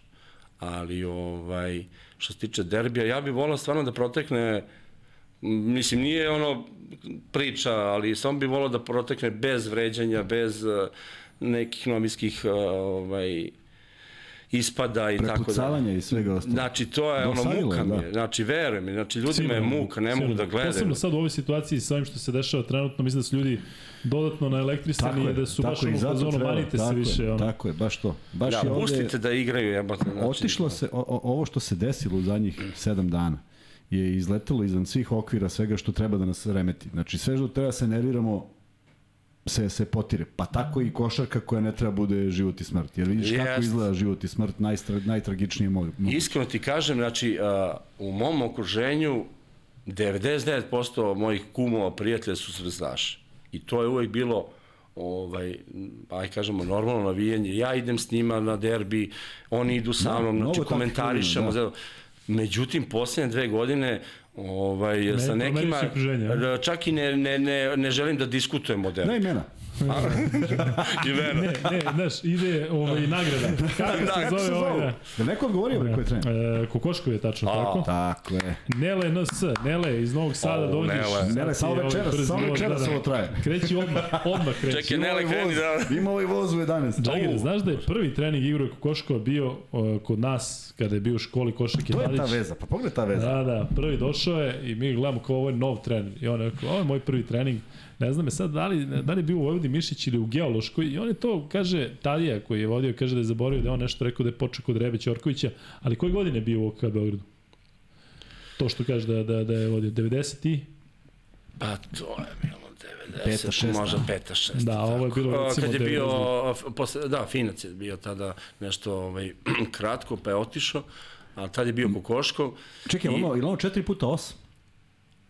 A, Znaš da je 94. da, da, da, da, da. E, to je, Kad je Zoki Radović došao u OK Beograda, pa to je, Da. to je godina sad, jest. 94, 90, sezona 94-95. Da. Tako je. E, 92. koliko se sećam je bio taj njihov prvi trening, njegov prvi trening kod nas. Ima čak i slika, dakle ima on, je, on, je, on je 94. dolazi u Novi Sad i vodio je Partizan, kadete Partizan. Da, da, da. A onda je postao najmlađi prvi trener. On je vodio junior, ja bio Prvoligaški trener. 97. 98. on vodio junior. Najmlađi prvoligaški trener je bio. Tako Da. i piše.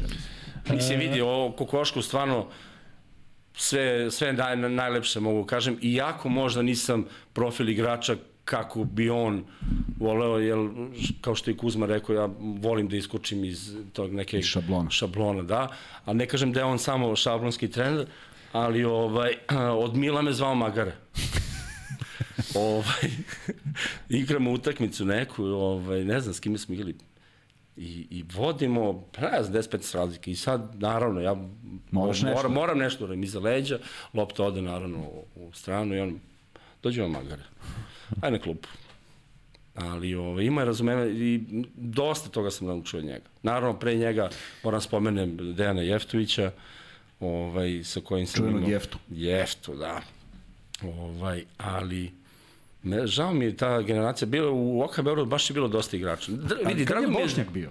Bošnjak je bio prelaz, on je iz Partizana prešao u OK Beograd i doveo, ja kažemo, jednu dobru ekipu, ovaj, selekciju iz Partizana. Palfi je bio tad i ne znam ko, kako se još zvala, onaj krila. I beko. dobro ste tu radili, dobro ste bili generacije. Tad je još bio teren, otvoreni o- OKK teren bio čitav. Tad smo trenirali leti, smo trenirali na otvorenom terenu OK Beograd. Kad Tako je, kako nije, do 92. je bilo čitavo. Je znaš s kim je on igrao, a ide na Final Four? Sad ide na Final Four. Pa sa Sartom. Nije. 95. 6. Ima još jedan na klupi. Da, da. Dobijaš free bet. Ajde. Ako znaš. E ne, Skakaš. evo plaćać, znači ćevape, Skakaš 20, najbolje. 50 ćevapa plaća. Če govorimo o treneru. Treneru. Nema, nema, nema Da, šta. da, da. Se skičis? Ne. Ne. Bio si blizu. Pazi čuo smo te, nije Bio, ne, ne, sam nije. jako si blizu. Pa rekao si Obradović. Obradović? Dobro. Pa Sale. Ma, Ne on, nego... Željko. Ma ima još jednog na klupi. A govoriš pomoćnik u Monaku? O tome pričam? E sad zaboravim kako se zove. Mirko Cokoljić. To Da, je Mirko Cokoljić. Ja, Mirko kako imao. Igro je bio levoruk, pleja igro, disciplinovan play da Jeste. unese mir, a onda dođem ja i on kao... Da sve, da sve to razbiš. Nemir. Znaš šta, Džangir, imamo Stiže ovde... Nemir, stiže Džangir. Imamo ovaj, neki običaj da ljudi kada tako kažu da su bacili loptu u aut ili nešto, da moraju da pokažu ovde. Staneš i onda taj, znaš to? kako to izgledalo i damo ti E. loptu, znaš, damo ti loptu i ti porazbijaš ovde sve. To je Morat ću. deo. E, dakle, Nele NS je rekao da on poklanja ovaj svoj ručak zato što je iz Novog Sada. A kad e, hoće da dođe, pa će doći nekad u Beograd. Pa šta da radim sad? Ne, Ne, ne, kad kaže, u čovjek, da, kaže čovjek da, da, da damo ovaj sledećem, a taj sledeći je, a, Miksa ti mi reci ako grešim, Nemanja Brković. Dakle, Znaš, on iz Čačka. da, a sledeći je- Da, da, da, Sledeći, Nemanja Brković iz, iz Ostina, Teksasa. E, Džangir, e, reci mi, e, kad si prestao da igraš? I zašto? To je bilo iznenada ovaj, u svojoj 30. godini Mm, zašto? Ne, ne bi, ne bi u emisiji zašto. Mi ima toga, ono, vuče se odavno. Znaš, sad, onda bi morao da Posle mi se spomenem i trenere i, i menadžere, Svima, uglavnom. Uglavnom menadžere, da. ovaj, uh, prosto, E, ali- vraćao sam se iz Makedonije, bukvalno sam se vraćao iz Makedonije, nismo se ovaj, dogovorili, naravno Makedonac ti kaže dođi za te pare, ja dođem, ovaj, Ono vidim, ono drugo vidim da to nema, nema ni, ni blizu toga i ja se vratim kažem Ćale, to Ćale, ja prestajem. Ovaj, onda sam ovaj, završio ovaj, višu Osnovnu poslovnu. školu si tada završio. Da. Osnovnu školu završio i, i počeo da radim. I žao mi. baš mi je 20, žao, 20 i da. koliko? 29. E, Ali vidi ovaj, vidi ovaj vrlo... Nemanja vrlo, Brković iz Čačka. Nemanja napiši da dolaziš da znamo šta ti Ne, je. ovo. Cezar. Ali vrlo bitna stvar, stvarno je period tog vašeg odrastanja, to kad sazrevate kao igrači, ti si pod sankcijom. Znaš Da. koliko je ljudi istrpelo to? Evo, pogledaj, pogledaj, na primjer, nekoga koji je bio fenomenalan igrač, i, po, i pod sankcijama je bio fenomenalan igrač, ali pogledaj, na primjer, Trifa. 85. 6. 7. Zadar, je li tako? Klinac koji je prešao iz Beograda, on je stranac u, u stranac. Odlazi u Zadar, nije to bilo tako često da. i vraća se u najboljim godinama u Zvezdu i sve se zatvara. I on kad smo bili zajedno u par emisija kaže, čoveč, niko ne zna da postoji liga u Srbiji. Znači mi to sve što imamo u Partizanu i Zvezdi koji su Da. vrhunski igrači, niko ih ne gleda. Kažu da je jedini potez koji je izašao pod sankcijama iz Jugoslavije bio, se sećaš derbija kada Trifa hvata loptu i okreće se ka košu i daje iz svog reketa koš na suprotni A, Mića, Mića ga promašio Kad je i Mića dobio da. rampu, tako je. Da. Kaže da je to jedini klip koji se vrteo iz jugoslovenske košake ti godine. Si koja je to šteta naneta? Ne, ne, tad smo bili, baš, baš smo bili zatvoreni. Što kažeš, nismo smeli da igramo turnire zvanične, nego smo sve zvali prijateljske utakmice. Da. Slušaj, Bio Beogradski pobednik si igrao tada? Nije. Kasnije. Da. Kasnije, kasnije bilo. E, Džangir, šta misliš da ti postavim jedno pitanje, a da Kuzma neće imati pojma o čemu se radi? Ajde. A može tako? Može. E, Džangir, opiši nam kakav je Čedomir Brisić Briske. Čedomir Brisić. Briska, a, Hm? kume. A? Nisi očekivao to? A, rekao si mi da su kumovi, da, Jeste, da znaš. jeste. Čekaj, a jeste. da, ja bože. A, vidiš Da, kako je da, sve da, to. Kako sam. Je, je, connecting people. Briski je dobar drugar, Briski je godinama drugar, čak je bio i, i um, solidan košarkaš, igrao ovaj, i probao nešto. U, da znaš da je on dolazio, pa je sad ovu vezu, da je dolazio da gleda um, Beo banku i da ima dres Kijica. Kijac. Kijec, da. Da. Je, je nabavio? Ima je njegov, njegov, njegov dres, ima Ima dres. ja, mislim da će vrediti mnogo, pa sam ga uzmano Da, da, ali, ali Kijac isto Ho- ovako. Hoćemo, hoćemo, Ej, hoćemo da ispromovišemo i došli, Hoćemo da kažemo čime šta on trenutno ovaj, radi. Kijac i Bojana, to je preporuka, Kijac i Bojana drže Kad pojedete fenomenalan- ćevape, da, onda kad idete- ćevape, odete do sport kluba u Bulevar Đinđića koji ono beše broj. Dobro. 12. I onda prođeš one Ferdinand Knedle Dobro. i onaj sladoled fenomenalni Stvarno? tortice, aha. A što se tiče Ferdinand znao. Knedli, obavezno, i to smo povezali I smo to svi, su, dakle, to su da. sve A što se tiče na sladoled. Da, da, da. Kao, i, i kao lik Jordan ultra. lopte, znaš. I sad Kuzma izreklamira naučare, znaš. Pogledaj koji su naučare da i to izreklamira. Džangi, daj treći free bet, ne free bet, nego treći, treći ručak. Za dvoje. Dakle, ovo prvo Za dvoje. četvoro. Sad je malo ono Sad- kao, znaš, bez veze. Ja, da, ozbiljno. a jeste malo bez veze ono kao iz Beograda, znači nemam, nemam, nemam Šta da radim? da, Da. šta da radim. Pa vidi, kaži Žiki da se malo proširi, ako može sledećeg meseca, pa da...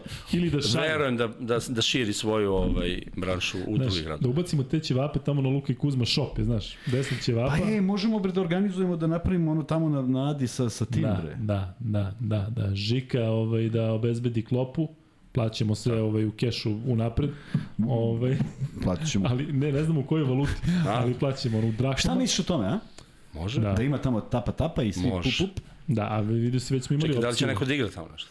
Da, imamo, imamo, vidi ovako, sad, sad neke, sad neke ljudi će stvari koje ne znam da li smo bili igrali. Imamo 34 igrača crvenih i 18 belih. To će biti spektakularno. A što, a što crvenih i beli, što crvenih? ne, Pa ne, samo samo ne, ne, su bili dresovi. sve protiv Partizana, sve je okrenuto protiv. Tako da kada Pogledaj bi sto. svi došli, e, Pogledaj sto. kada samo oni, ako dođu, to je 50. A pogledaj šta me terao da obuče. Ja došao u crnoj majici i terao, kaže on, nećemo da počinjemo Ušao čovjek u crnom, ja kažem, baš se lepo obuku. I on izdemonstrativno skine. A pitaj Crveno, belo. Miksa, kako je bilo?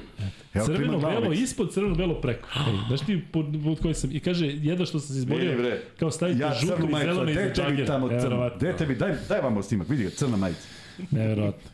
Ja sam uvijek spreman za... Ne, Ja, čekaj, kad je ta, taj Još event? datu. Da. Početkom juna. Uh Mhm. -huh. Znači, nek on sad vadi najbolje ćevape. Dobro. Ne mora odmah da ih prži. Ono, mjau, mjau, wow, wow. Da, taj, taj. šalim se, šalim se, ne.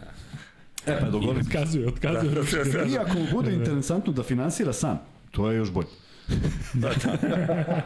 da donese i da služi. To je sve. najbolja kombinacija. Mi ćemo, a mi ćemo da uključimo E, a znaš kako će A bude? čekaj, Biće live. festival ćevapa i burgera Tako ili ćemo da ga basketa? zovemo. Sve ćemo, sve ćemo da ubacimo u je. Može. Bacujemo Pivo smo sve. obezbedili. Ko je? Tako da- Ma, imamo sve. A, ja. Vidi ovako, u izlogu stoji 0-0, Da, a znam. ispod je Da. 5 0-5. Mislim da ne smemo da pričamo o tome. Ali ne pričamo o tome, zna, zna, zna, Džangir. 0-0, pa da. Džangir džaba ako dobijemo strajkove, ako nam ovo bude poslednji. Majnekin. Majnekin Da, da. Majnik. Ja bi bas, ja bi bas opravo. E, ljudi, ajde da treći ručak dobije osoba koja kaže u kojoj osnovnoj školi je trenirao Džangir. Da, Može. može. Prva, Hoćemo prva. da im pomognemo da kažemo u, u kom je delu grada.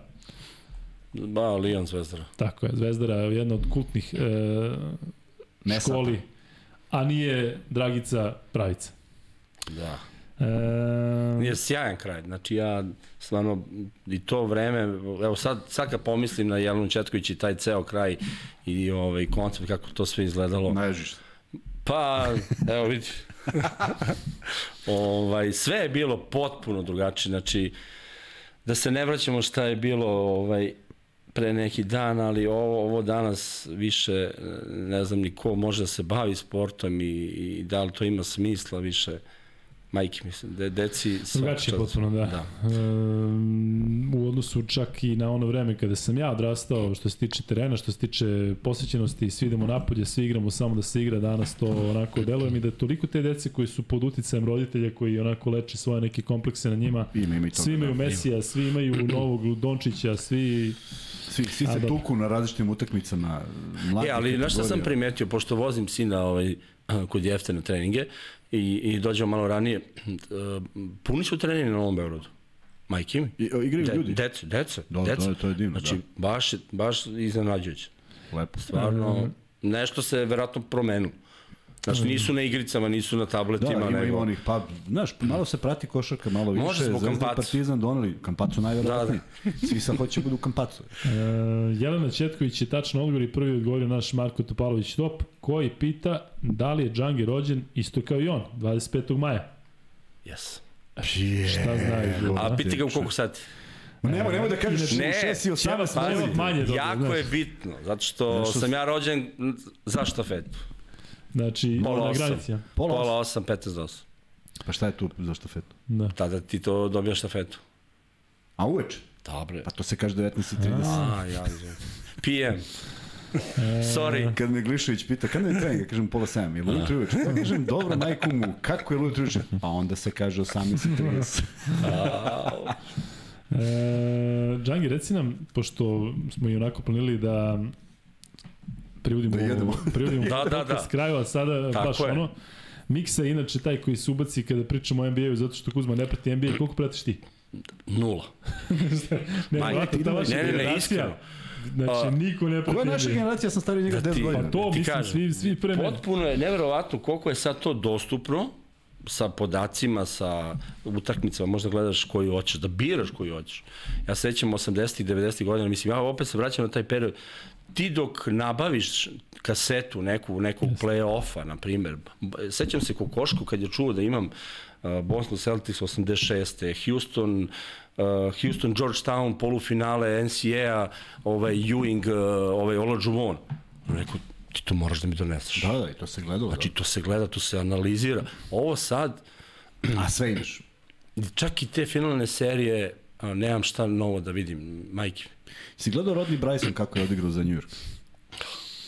A, Ovde, Rodni, ovde, je- ovde, je, znaš, pljuvanje po NBA-u, znaš, dakle, ovde je ono, totalno, svi koji volite NBA i sada, ono, Ja zaboravio sam da gledam početak Da. emisije. E, dopašće ti se Džangir ovaj komentar, svaka čast Luki i Kuzmi. To je početak. To je Pa i sad- kraj, i kraj. Da, da, Kraj. da, Ko vam je dalje. Ali ovaj lik je pravo sveženje za podcast, sve pohvale. Kaže Miki Radosavljević. Eto viš. Ti si Miki. kriv zašto nema veću gledanost jer onaj put niste teo da sedneš. U, da, onaj put si nas uduvao. opravdano. Jedan, da. Verujemo. Došao, došao je ovaj... Iz kafane. Da. O, Kuzma, znaš da imamo tri free bete? Često da te viđaju po NBA. kafanama. Kako inače ide? A, pa vidi, ovaj, nema mikrofona, ali dobro. Pričat ćemo posle. Da. Nema ni jedan free bet. Daj free bet, ajde. E, prvi free bet, hoćemo barem free betove da ispucamo što se tiče NBA ligi. Ajde, A, ajde, da, da, ajde, da, bude, da, da smo ajde. malo pričali Pravo ime Rodnija. Bryson. Da. A dobro, dopada ti se Rodney Bryson, čim ga toliko pominješ. Ne, vidio sam da je razbio, da je dao 39 Jest. poena i toliko mi je drago što je pobedio New York jer sam ih najavio u finalu. Pa još E, postoji nada, znaš. Ajde ovako, bavit bavit ćemo se malo tračima kada već pominjemo Igora Kokoškova, da nam kažete, e, pojavila se informacija da će Igor potencijalno biti pomoćni trener u jednom NBA klubu, odnosno da će nastaviti karijeru gde? Ko odgovori prvi, dobija Opa. prvi free bet u iznosu od 1000 dinara. To je zaista bilo lepo, zato što postoji ta veza, sad već mogu da kažem, pošto ljudi odgovaraju, e, mogu da kažem da e, je to ta srpska veza. E, kaže, naš Dule Kuzma nije gledao NBA ni dok je Minnesota njegova igrala, pogotovo ne sada. Tako kad je play-in i kada se završio više To, ništa. malo me to potreslo i, i poremetilo potpuno. Ispadanje Minnesota moje. To Jel stvarno gledaš Kuzmo? A, ne. Gleda, mora da gleda zbog uh, podcasta. Ono, u naše vreme je bilo na trećem kanalu kao highlight. Kao, gledaš. Pa baciš oko i to je u 30 minuta pogledaš sve. E, Ivan Ićin je odgovorio Atlanta. Ivane, šalješ na lukekuzme.gmail.com Max Betov uh, Ej, nalog. svi ovi da se jave na li, Gmail. Da, svi koji su dobili koji ručak, dakle, to- Jer prošli put Nemanja- nisu se javili neki ljudi, ne znam I zašto ne došli bi. samo rekli, mi smo dobili, čovjek potroši Hiljića Ne, ne, ne, ne, ne, ne. Poente da dođu, ljudi da uživaju. Pa da, pa to je cela ideja. Ljudi, prva dva, prve dve nagrade za četvora, dakle, pozovete bre, ljude ono iz osnovne škole, povežete se ponovo, pazi, može se sedne bre, ali kako jesi bio, kako izgleda ovaj, Kako su uredili? Da. Odlično, majke. Malo onako da. retro, ove, ali baš pristojno i ba, mnogo mi je drago za njih, majke. sjajno. Znači, tamo gde su prvo radili u Vojslavcu, Vojslavac je prometno, ali je nekako je, ne znam, da, da li su podzemne vode, šta je tu bilo? Neka energija. da, ovde ipak ono, ideš u kluz kao da kupiš odelo, i, ovaj, malo i, da dođeš pođeš na... na- Tako je, sećaš kluz? Kako ne, i reklame čujem. Je, sećamo onaj, onih naših trenerki iz OKB-a kao da ih je kluz pravio.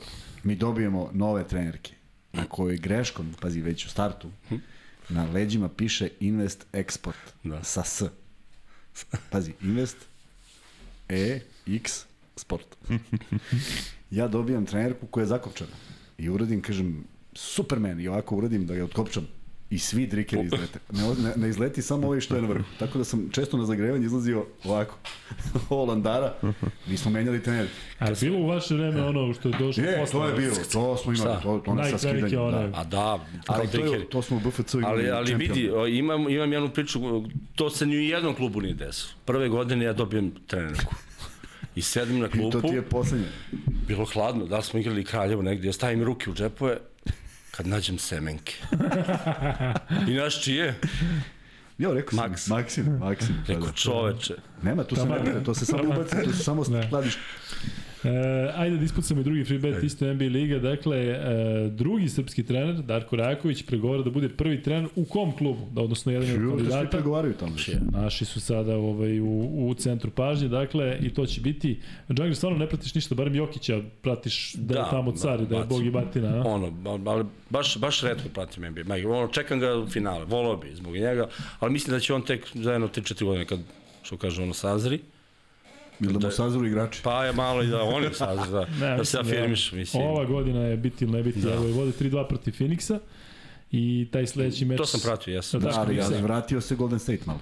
Golden State se vratio na 3-2, ja sam 3:2. rekao da očekujem da Golden State preokrenu Lakers-e. mnogo je. E, šesta utakmica se igra u LA-u i tu mora da dobije uh, mora da dobije Lakers, jer ako izgube to je Da, da, dođu nemaju 3-3 šanse. i onda pa odu u da, San Francisco protiv drugačije Karisa. igraju kod kuće. Da, tako da ta, pe, te, ta šesta utakmica mislim, za Lebrona biti ili ne biti, pitanje je da li će opet uh, ikada doći u ovu, u ovu U finale. priliku. Da. Uh, Džagir, kada si pratio NBA ligu, ko su ti bili idoli? Uvijek je nekako Jordan onako prva Ne. opcija, ali si imao nekoga Penny Hardaway Znači, ili tako? Prvo koga sam se zaljubio, to je Magic Johnson.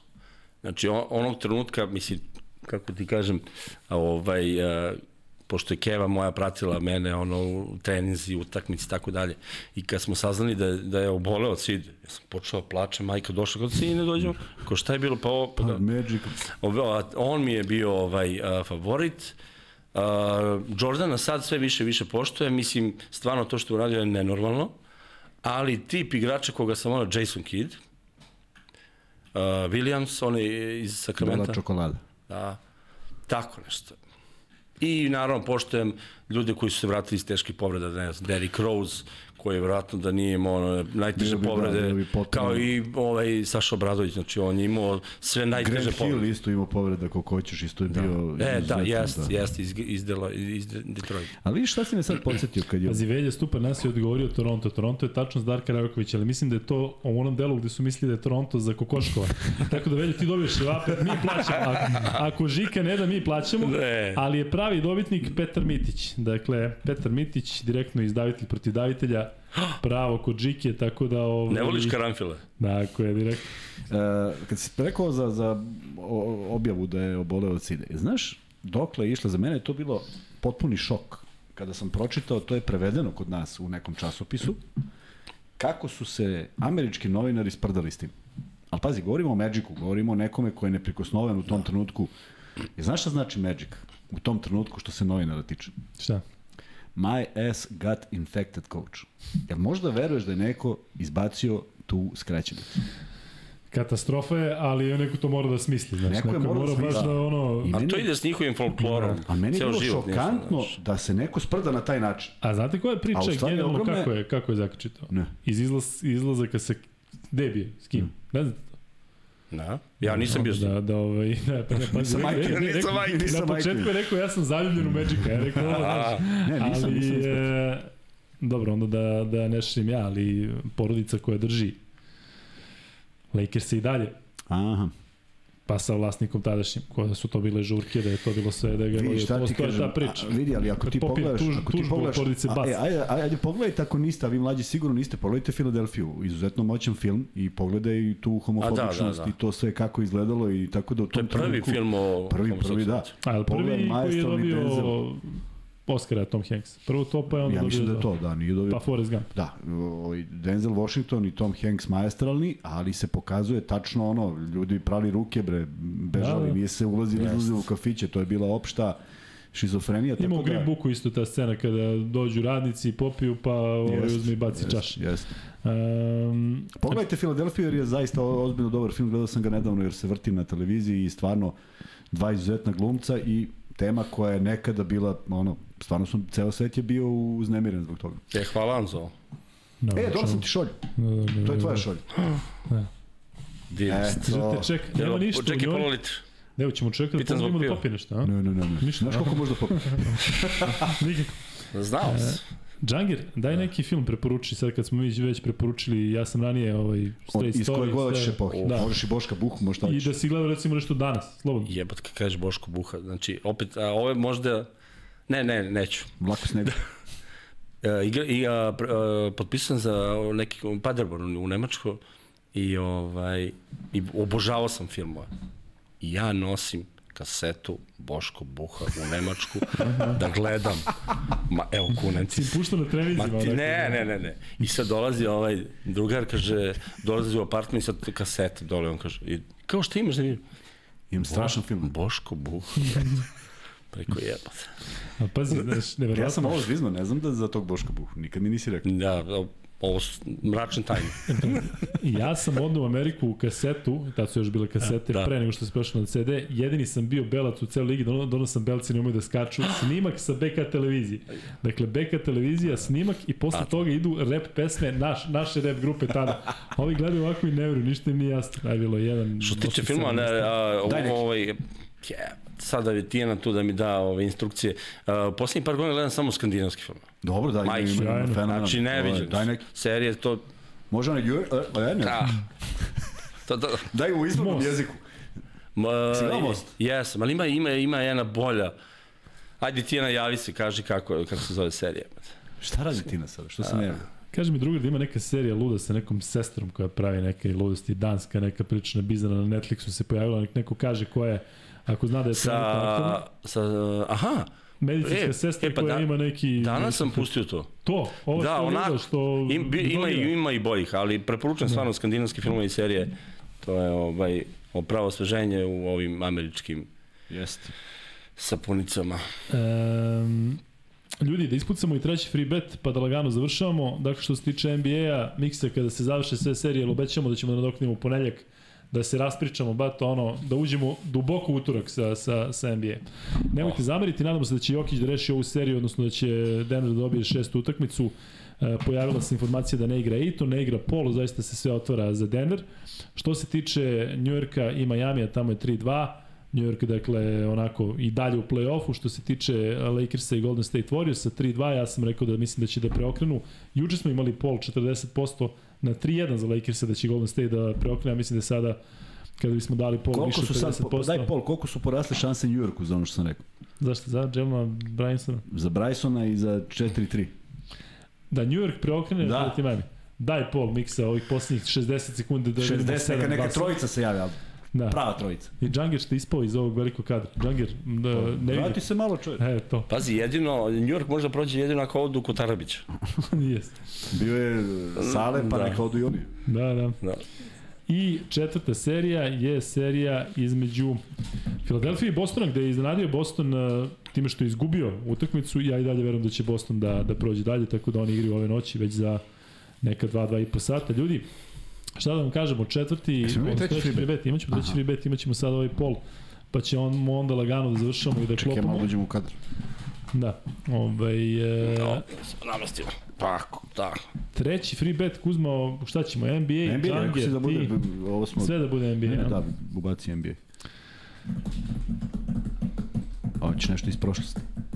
Magic. Ne. Ajde ovako, uh, Džangir je rekao, pomenuo nekoliko igrača koji su mu bili omiljeni. Dakle, počeo je sa Magicom, pa je onda pomenuo još neki igrače koji su mu omiljeni. Evo, rećemo da je bio i Jason Williams tu. Ali je pomenuo jednog igrača koji je sada trener. I to trener ekipe koja je vrlo, vrlo popularna na ovim prostorima. Dakle, koga je, ko je taj e, tada igrač, kada ga je Džangir gotivio, a sada trener, e, i ko odgovori dobija treći free bet. Kuzma, ti nemaš pojma o kome se radi. Kako ne znam, slušam, ja da Aha. ne šta priča. Da. A gde je trener taj Džangir? Ne, nije valjda da ne znaš. Jedno izuzetno popularna ekipa na našem nije, podnebu. nije valjda da ne znaš. Pa ne znam. Ludilo. E, A, znam, znam, da. A kako da ne znaš. E, koje su šanse za Kuzminu prognozu i New York u Četiri, finalu? tri. A, to ti kažeš. 39% da idu u finale, a 61% da ne idu E, za ćemo kad Na uzorku od od dvojice. 130. od trojice, trojice komano. E, Nikola, ne, Savo. Savo dobio i ćevape. Jel Ćavo- Savo dobio ćevape? Marko opet prvi, a Savo je dobio nešto. Šta je dobio? Pa, dobio ćevape. Savo je dobio ćevape i, i free bet. A nisu samo ćevapi, znači ima Jel tako? tamo svašta. Ne samo će vape nudim. A, ne, Džagir, ozbiljno, jel će dobiti nešto za piće, jednu Coca-Cola, njih četiri da, da, da podele, a? Da, Četiri Hajde- slamke, ima slamke tamo. Hajnik, Heineken 0%. Evo, Heineken, ako ne bude mame. znači, Ima savski biser, To mi reci. to od pola litre Dobro. Sa slamkom i ima ovaj sirće, zajtin, sve, Sve ima. sve može se Ma piti. Vidi, bre, pa to je luksuzna restoran. E, ljudi, bez zezanja, znači vi koji odete tamo, slikajte se malo da ispromovišemo na taj način. I da smo pomognemo ljudima, tako. Tako A naročito što je preporuka tada da smo mi to stvarno probali i jesu odlični Ne, ne, ćevapi, stvarno su tako da- Ako ne volite da vi da se slikate, slikajte ćevap, pa nam Da. pošaljite. I vi naravno koji Mi ćemo u Photoshopu da napravimo mi iznad ćevapa. Da. Kuzma, što sam provalio? Mi ovde toliko delimo nagrada Ljudi će se Ali- navrati. Da. Mi dobijemo neku Pazi, a ono peški idemo noćnima, noćnim autobusom. Da, nema za benzin. Sad ću ja da vas Samo radim. delimo. Da. Ovaj, dobro, momci, Džanger, hvala ti što si došao i pre svega Hvala. ti što si stao ispred kamera pre svega hvala ti što si donao ćevap. Što si donao jedan, to da. Dobre. i znam da moraš da žuriš, ćao, vidimo se. Ajde, ajde. I čuo si A, Hvala ti što si, što si doneo pre svega ovo, a i što si učestvovao u ovome. Ja mislim da gledalcima je bilo interesantno i mislim da ova spontanost nismo je nikad imali ovako baš da je neko upao. Stvarno. Jedini čovjek koji je upao, upao je Vlada Radmanović. Ali to je moralo da zove određeni prekid jer nismo sanjali da je ovaj da je, da je moguće da dođe. Aha. Tako da te, tebe smo ipak očekivali, pa smo se nadali da ćeš biti deo ove priče i koliko sam video po reakcijama, bar ovo što meni pišu da je Jeste, da. Da E, ali malo je falilo da uđem dole kod komšije. ispred. Si za malo? Ma za malo. Pa sve okej, samo nisi I ostao ja sećam, rekao, čekaj, bila su crna vrata, nije ovo, bre. Poznata A možda i piše vrata. nego. A, da. Tako da poziv za sve vas koji hoćete da upadate, a imate bilo kakve Ne dole, ne dole. Da, Ne dole. upadajte. Drugi sprat. I e, Džangir, da ti se ja zahvalim zato što Hvala. imali smo prilično e, nezgodan period, iskreno ti kažem. Imali smo prošle nedelje jedan jako emotivan podcast zato što nismo znali da li ćemo da radimo kada je krenulo sve ono i kada je je počela ta trodnevna žalost. Dani žalosti i uh, onako u nekim okolnostima zaista specifičnim sa dosta emocija, pa sada ti me barem razumeš kao grobar, ovo što se desilo juče nas je prilično sve onako poremetilo i hvala ti što si uneo ovaj, onako jednu jako lepu energiju, dopada se ljudima, nadam se da i tebi bilo lepo Hvala, i jest. dobrodošao si uvek. Luka, dakle, Džangir i Kuzma. Tako je. Da. Dakle, pazi. Čekaj, Luka ne, ne, ne, ne, Luka? Džangir. Da. Ne, Džangir, Luka i Kuzma da, sledeći. Ali pazi sad, u ponedeljak ćemo raditi na tome da dođe gost, ali dođi ti, nema veze. Znači, izbacimo, znaš. Ne, ti sad dođi kad ja tamo. Da, ti kad dođeš ovaj odmah, reći mu da, da, da može da izaći. Kazat ćemo ženi da si bio u kafani. Dobro. Da. I čekaj, jel, da sad igramo da PES ili... Igramo, Posle igramo, igramo PES. U ćevape, dok žvaćemo ćevape. Ljudi, šta da vam kažemo, Kuzma, imaš nešto za kraj? Miksa? Uh, Marko je bio, poslan sliku. Za šta, Marko daje? Za freebet. Da, za nije Sava, nije? Pa pogledaj sliku. U live chatu. A, u live chatu. Dobro, Savo, dovoljno ti je, dovoljno ti je da si dobio ovaj, ćevape. A, znači, Marko je dobio i ćevape i freebet. Neverovatno. Mare, drago, Mare, tebi top. Top Mare, kad ovaj, uplatiš, kad uplatiš, odeš da jedeš. Da, uh, probajte obojce kod Žiki, možda ovaj Žiki, ono, da li dva, da li tri, da li četiri, pa se prvo... Ne, još jedno, reci kako se zove. Žika? Ne, ne kako se zove, da. lokal. A, Sarajevski ćevap Knežak. Knežak. Knežak, jes. Mislim da je sad Stvarno je retro fazon. Ja mislim znači, tamo sad ludica. Da. Zove Žiku i pita li ima ljudi. O, da. I svi gledaju potpis, znaš, gledaju na ome i jedu. Ne može se uđi u mir. Uh, ja, ej, ovaj sedi da. kaže, ja sam Marko. A Mite Ružić je blokirala policija. da, da. E, ljudi, šta da vam kažem, dva i po, dva sata i 20 minuta e, prilično zanimljivog programa. Malo smo evo promešali karte, Džangir hvala još jednom, Miksa pričamo o NBA ligi u ponedljak, Kuzma, idemo da klopamo. Idemo. Ajmo. Vidimo se. Živeli. Oh.